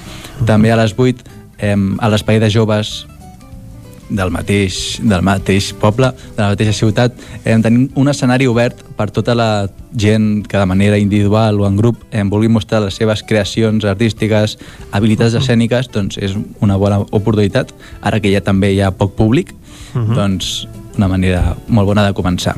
Ha- i l'activitat de Cardedeu d'avui, que també diem de Cardedeu, però com és en streaming, pot anar tothom. Mhm. Tenim el Carnestoltes joves, eh, de, jove a càrrec de, del Marçal Ventura i serà di- directe des de la seva pàgina web on ho té molt ben muntat amb grup de Telegram o amb el seu correu doncs, per demanar-li cançons, compartir disfresses amb, amb ell i doncs, interactuar una miqueta una mi diferent. Uh, això començarà a les 6 a, a emetre música i fins les 8 no començarà doncs, ell a fer la seva sessió.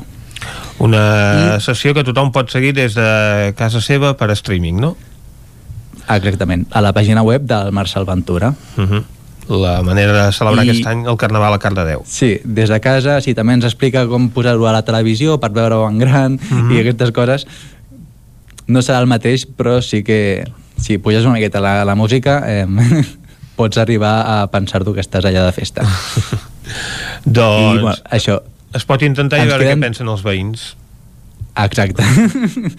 Ens queden tres activitats per dir per dissabte. Molt bé. Em, la Fira de Brocanters a la plaça Josep Maluquer i Salvador de Granollers i el mercat setmanal dels dissabtes amb els pagesos i productors ecològics del territori a la plaça de la Corona. I doncs, l'última activitat de Carnestoltes d'aquesta setmana serà a les 6 a Cardedeu, també diem a Cardedeu, però també serà en streaming, uh Mhm. -huh. eh, l'espectacle Rabombori Carnavalero de la CIA Roger Canals amb la Mim Xispa i això, l'actua- l'actuació es podrà seguir en directe de, per Ràdio Televisió de Cardedeu i també pel seu canal de YouTube. Uh -huh.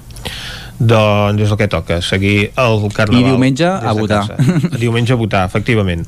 Exacte. A votar en aquestes eleccions doncs, que s'han convocat per aquest diumenge, eleccions al Parlament.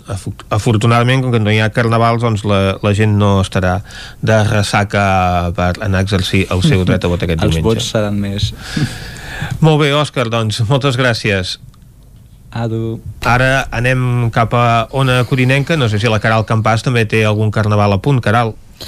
Doncs sí, mira, precisament, si a divendres eh, passat us parlava de com ho havien organitzat a Caldes i a Vigues, Mhm. a comentar-vos que a Castellterçol també mm, tenen una petita celebració preparada. Mhm. En aquest cas han seguit una mica la línia de, de Caldes de Montbui i organitzen una petita actuació a l'Associació Musical Juvenil El Gripau Blau. Ha preparat doncs, una actu- actuació infantil que es farà al Centre Espai Escènic de Castellterçol.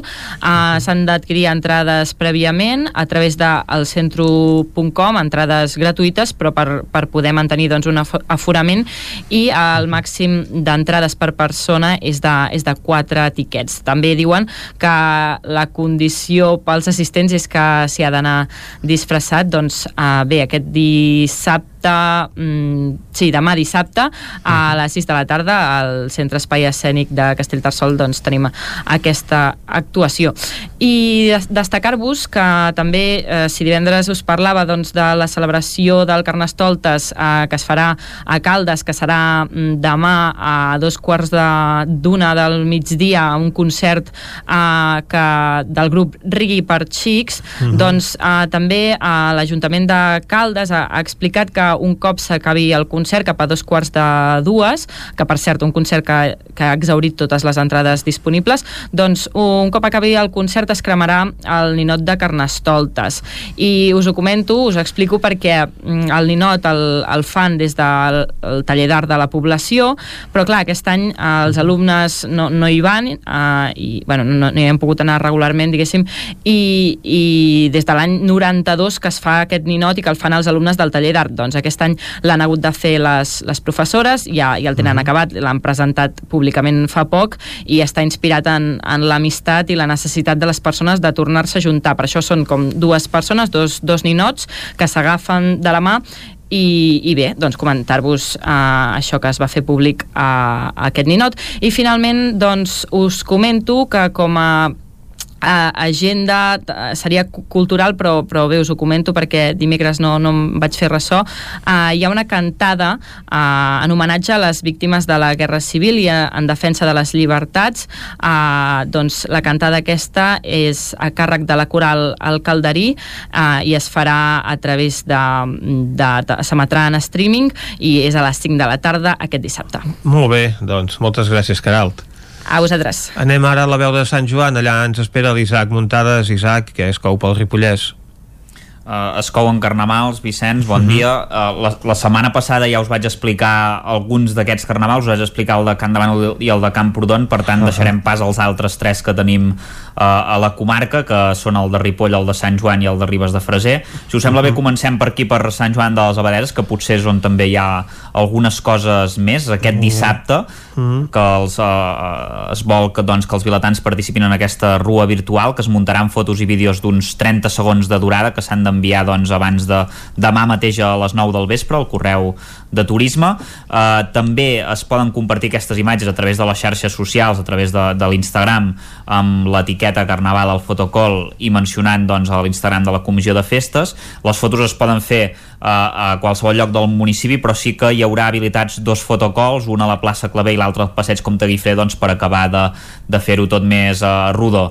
I, i sí que re, bueno, recomana, més que recomana, també s'imposa per, també per participar una mica amb aquest concurs és que siguin de màxim 6 persones uh, de dos grups bombolla i que entre tots els participants aquí no hi haurà premis a la millor disfressa se sortejaran 4 vals de 50 euros per gastar en comerços de la Unió de Botiguers. Uh -huh. uh, pel que pel que fa a Ripoll eh, es fa un fem memòria, és a dir, no es, eh, es fa cap eh, espècie de rues, sinó que rememora les edicions passades amb una exposició a l'església de Sant Pere, on s'hi podran veure disfresses, cartells, materials d'altres anys, tant de la ruta hippie com, com de la rua de Carnaval, i això es pot visitar des d'avui eh, fins diumenge i també el cap de setmana que ve, del 19 al 21. Eh, L'espai en principi s'hi pot accedir sense problema, sense cita prèvia, però hi ha, hi ha aforament limitat. I a Ribes de Freser, per, eh, per contra, els integrants del Teatre d'Emergència doncs, han estrenat una sèrie molt divertida que podeu veure al YouTube eh, on s'explica uh -huh. doncs, l'arribada del rei Carnestoltes i dels seus ministres i, i bé, bàsicament és això sí que han fet un cartell així de broma els de la Santa Truja del Carnestoltes on diuen que al pavelló municipal d'esports hi haurà una Rave Music Festival és un cartell fake, evidentment uh Mhm. -huh. aquest dissabte a les, a les 10 que ja és horari doncs, restringit i anuncien eh, cantants que evidentment no hi seran eh? Rosalia, Charango eh, Miley Cyrus, Pablo Hasél aquest per desgràcia no hi serà per, a- per un altre motiu perquè haurà d'entrar eh, segurament a la presó Bé, uh, que també hi ha no. esperem que encara no però però, espere, però bueno, eh, també hi és posat Oques Grasses, bé, hi ha, molt, hi ha molts eh, cantants que Per no, que posar no hi noms seran no han quedat.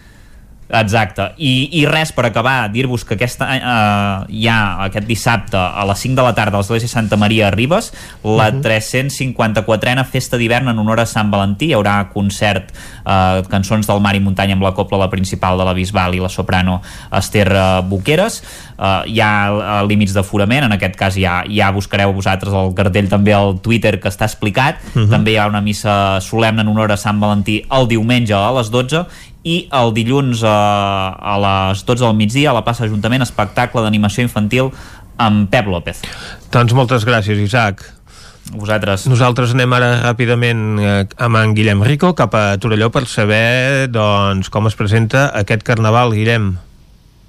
Hola, doncs eh, es presenta, encara no és carnaval, però, perquè no hi ha rei carnestoltes, per Exacte. tant, és una altra cosa, però sí, eh, hauria de ser el carnaval, avui haurien de ser les senyoretes, ahir el pollasso, demà la, la Gran Rua, ahir es va inaugurar unes exposicions que es diuen Carnaval de Portes Endins, que es fan a fora del carrer, amb els espais més emblemàtics del Carnaval de Torelló i de les festes que, que l'acompanyen, en què es fa un recorregut in- interactiu i retrospectiu sobre la història d'aquesta festa, eh, que fa 43 anys que va començar, uh i llavors es fa a través d'uns plafons i alguns que són, això com dèiem, interactius.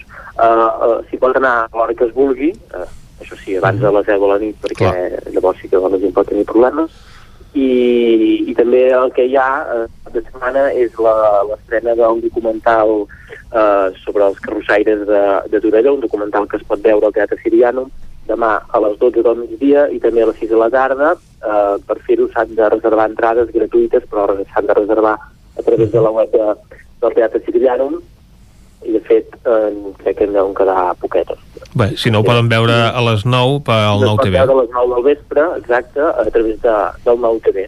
Uh -huh. i bàsicament aquest cap de setmana doncs, és el que es pot fer de, del Carnaval, també ja es poden veure eh, eh, els operadors d'algu- d'alguns establiments comercials també hi ha referències eh, al Carnaval i el que sí que no es pot veure encara és aquesta websèrie que s'està preparant, que de moment no hi ha data d'estrena perquè hi havia problemes pel tema del rodatge amb algunes escenes que requerien hi hagués molta gent i per tant doncs, es va llançar el teaser aquest dimecres al vespre i eh, estarem a l'espera doncs, que es pugui estrenar. I aquesta exposició, les exposicions sí que hi seran, eh, no, no acabaran eh, encara aquest cap de setmana, sinó que s'allargarà un cap de setmana més el que seria habitual al Carnaval i per tant podrà veure fins l'altre diumenge, fins al dia 21 de, de febrer. Molt bé, doncs moltes gràcies, Guillem. Ja sabem que tenim carnavals eh, confinats a Cardedeu, a Castellterçol, a Caldes de Montbui, a Sant Joan de les Abadeses, a Ripoll, a Ribes i a Torelló. Ara és l'hora d'acomiadar-nos. El Territori 17 tornarà dilluns vinent a les 9. Serà fins llavors. Territori 17, un magazín del nou FM. La veu de Sant Joan. Ona Codinenca i Ràdio Cardedeu amb el suport de la xarxa. El nou FM.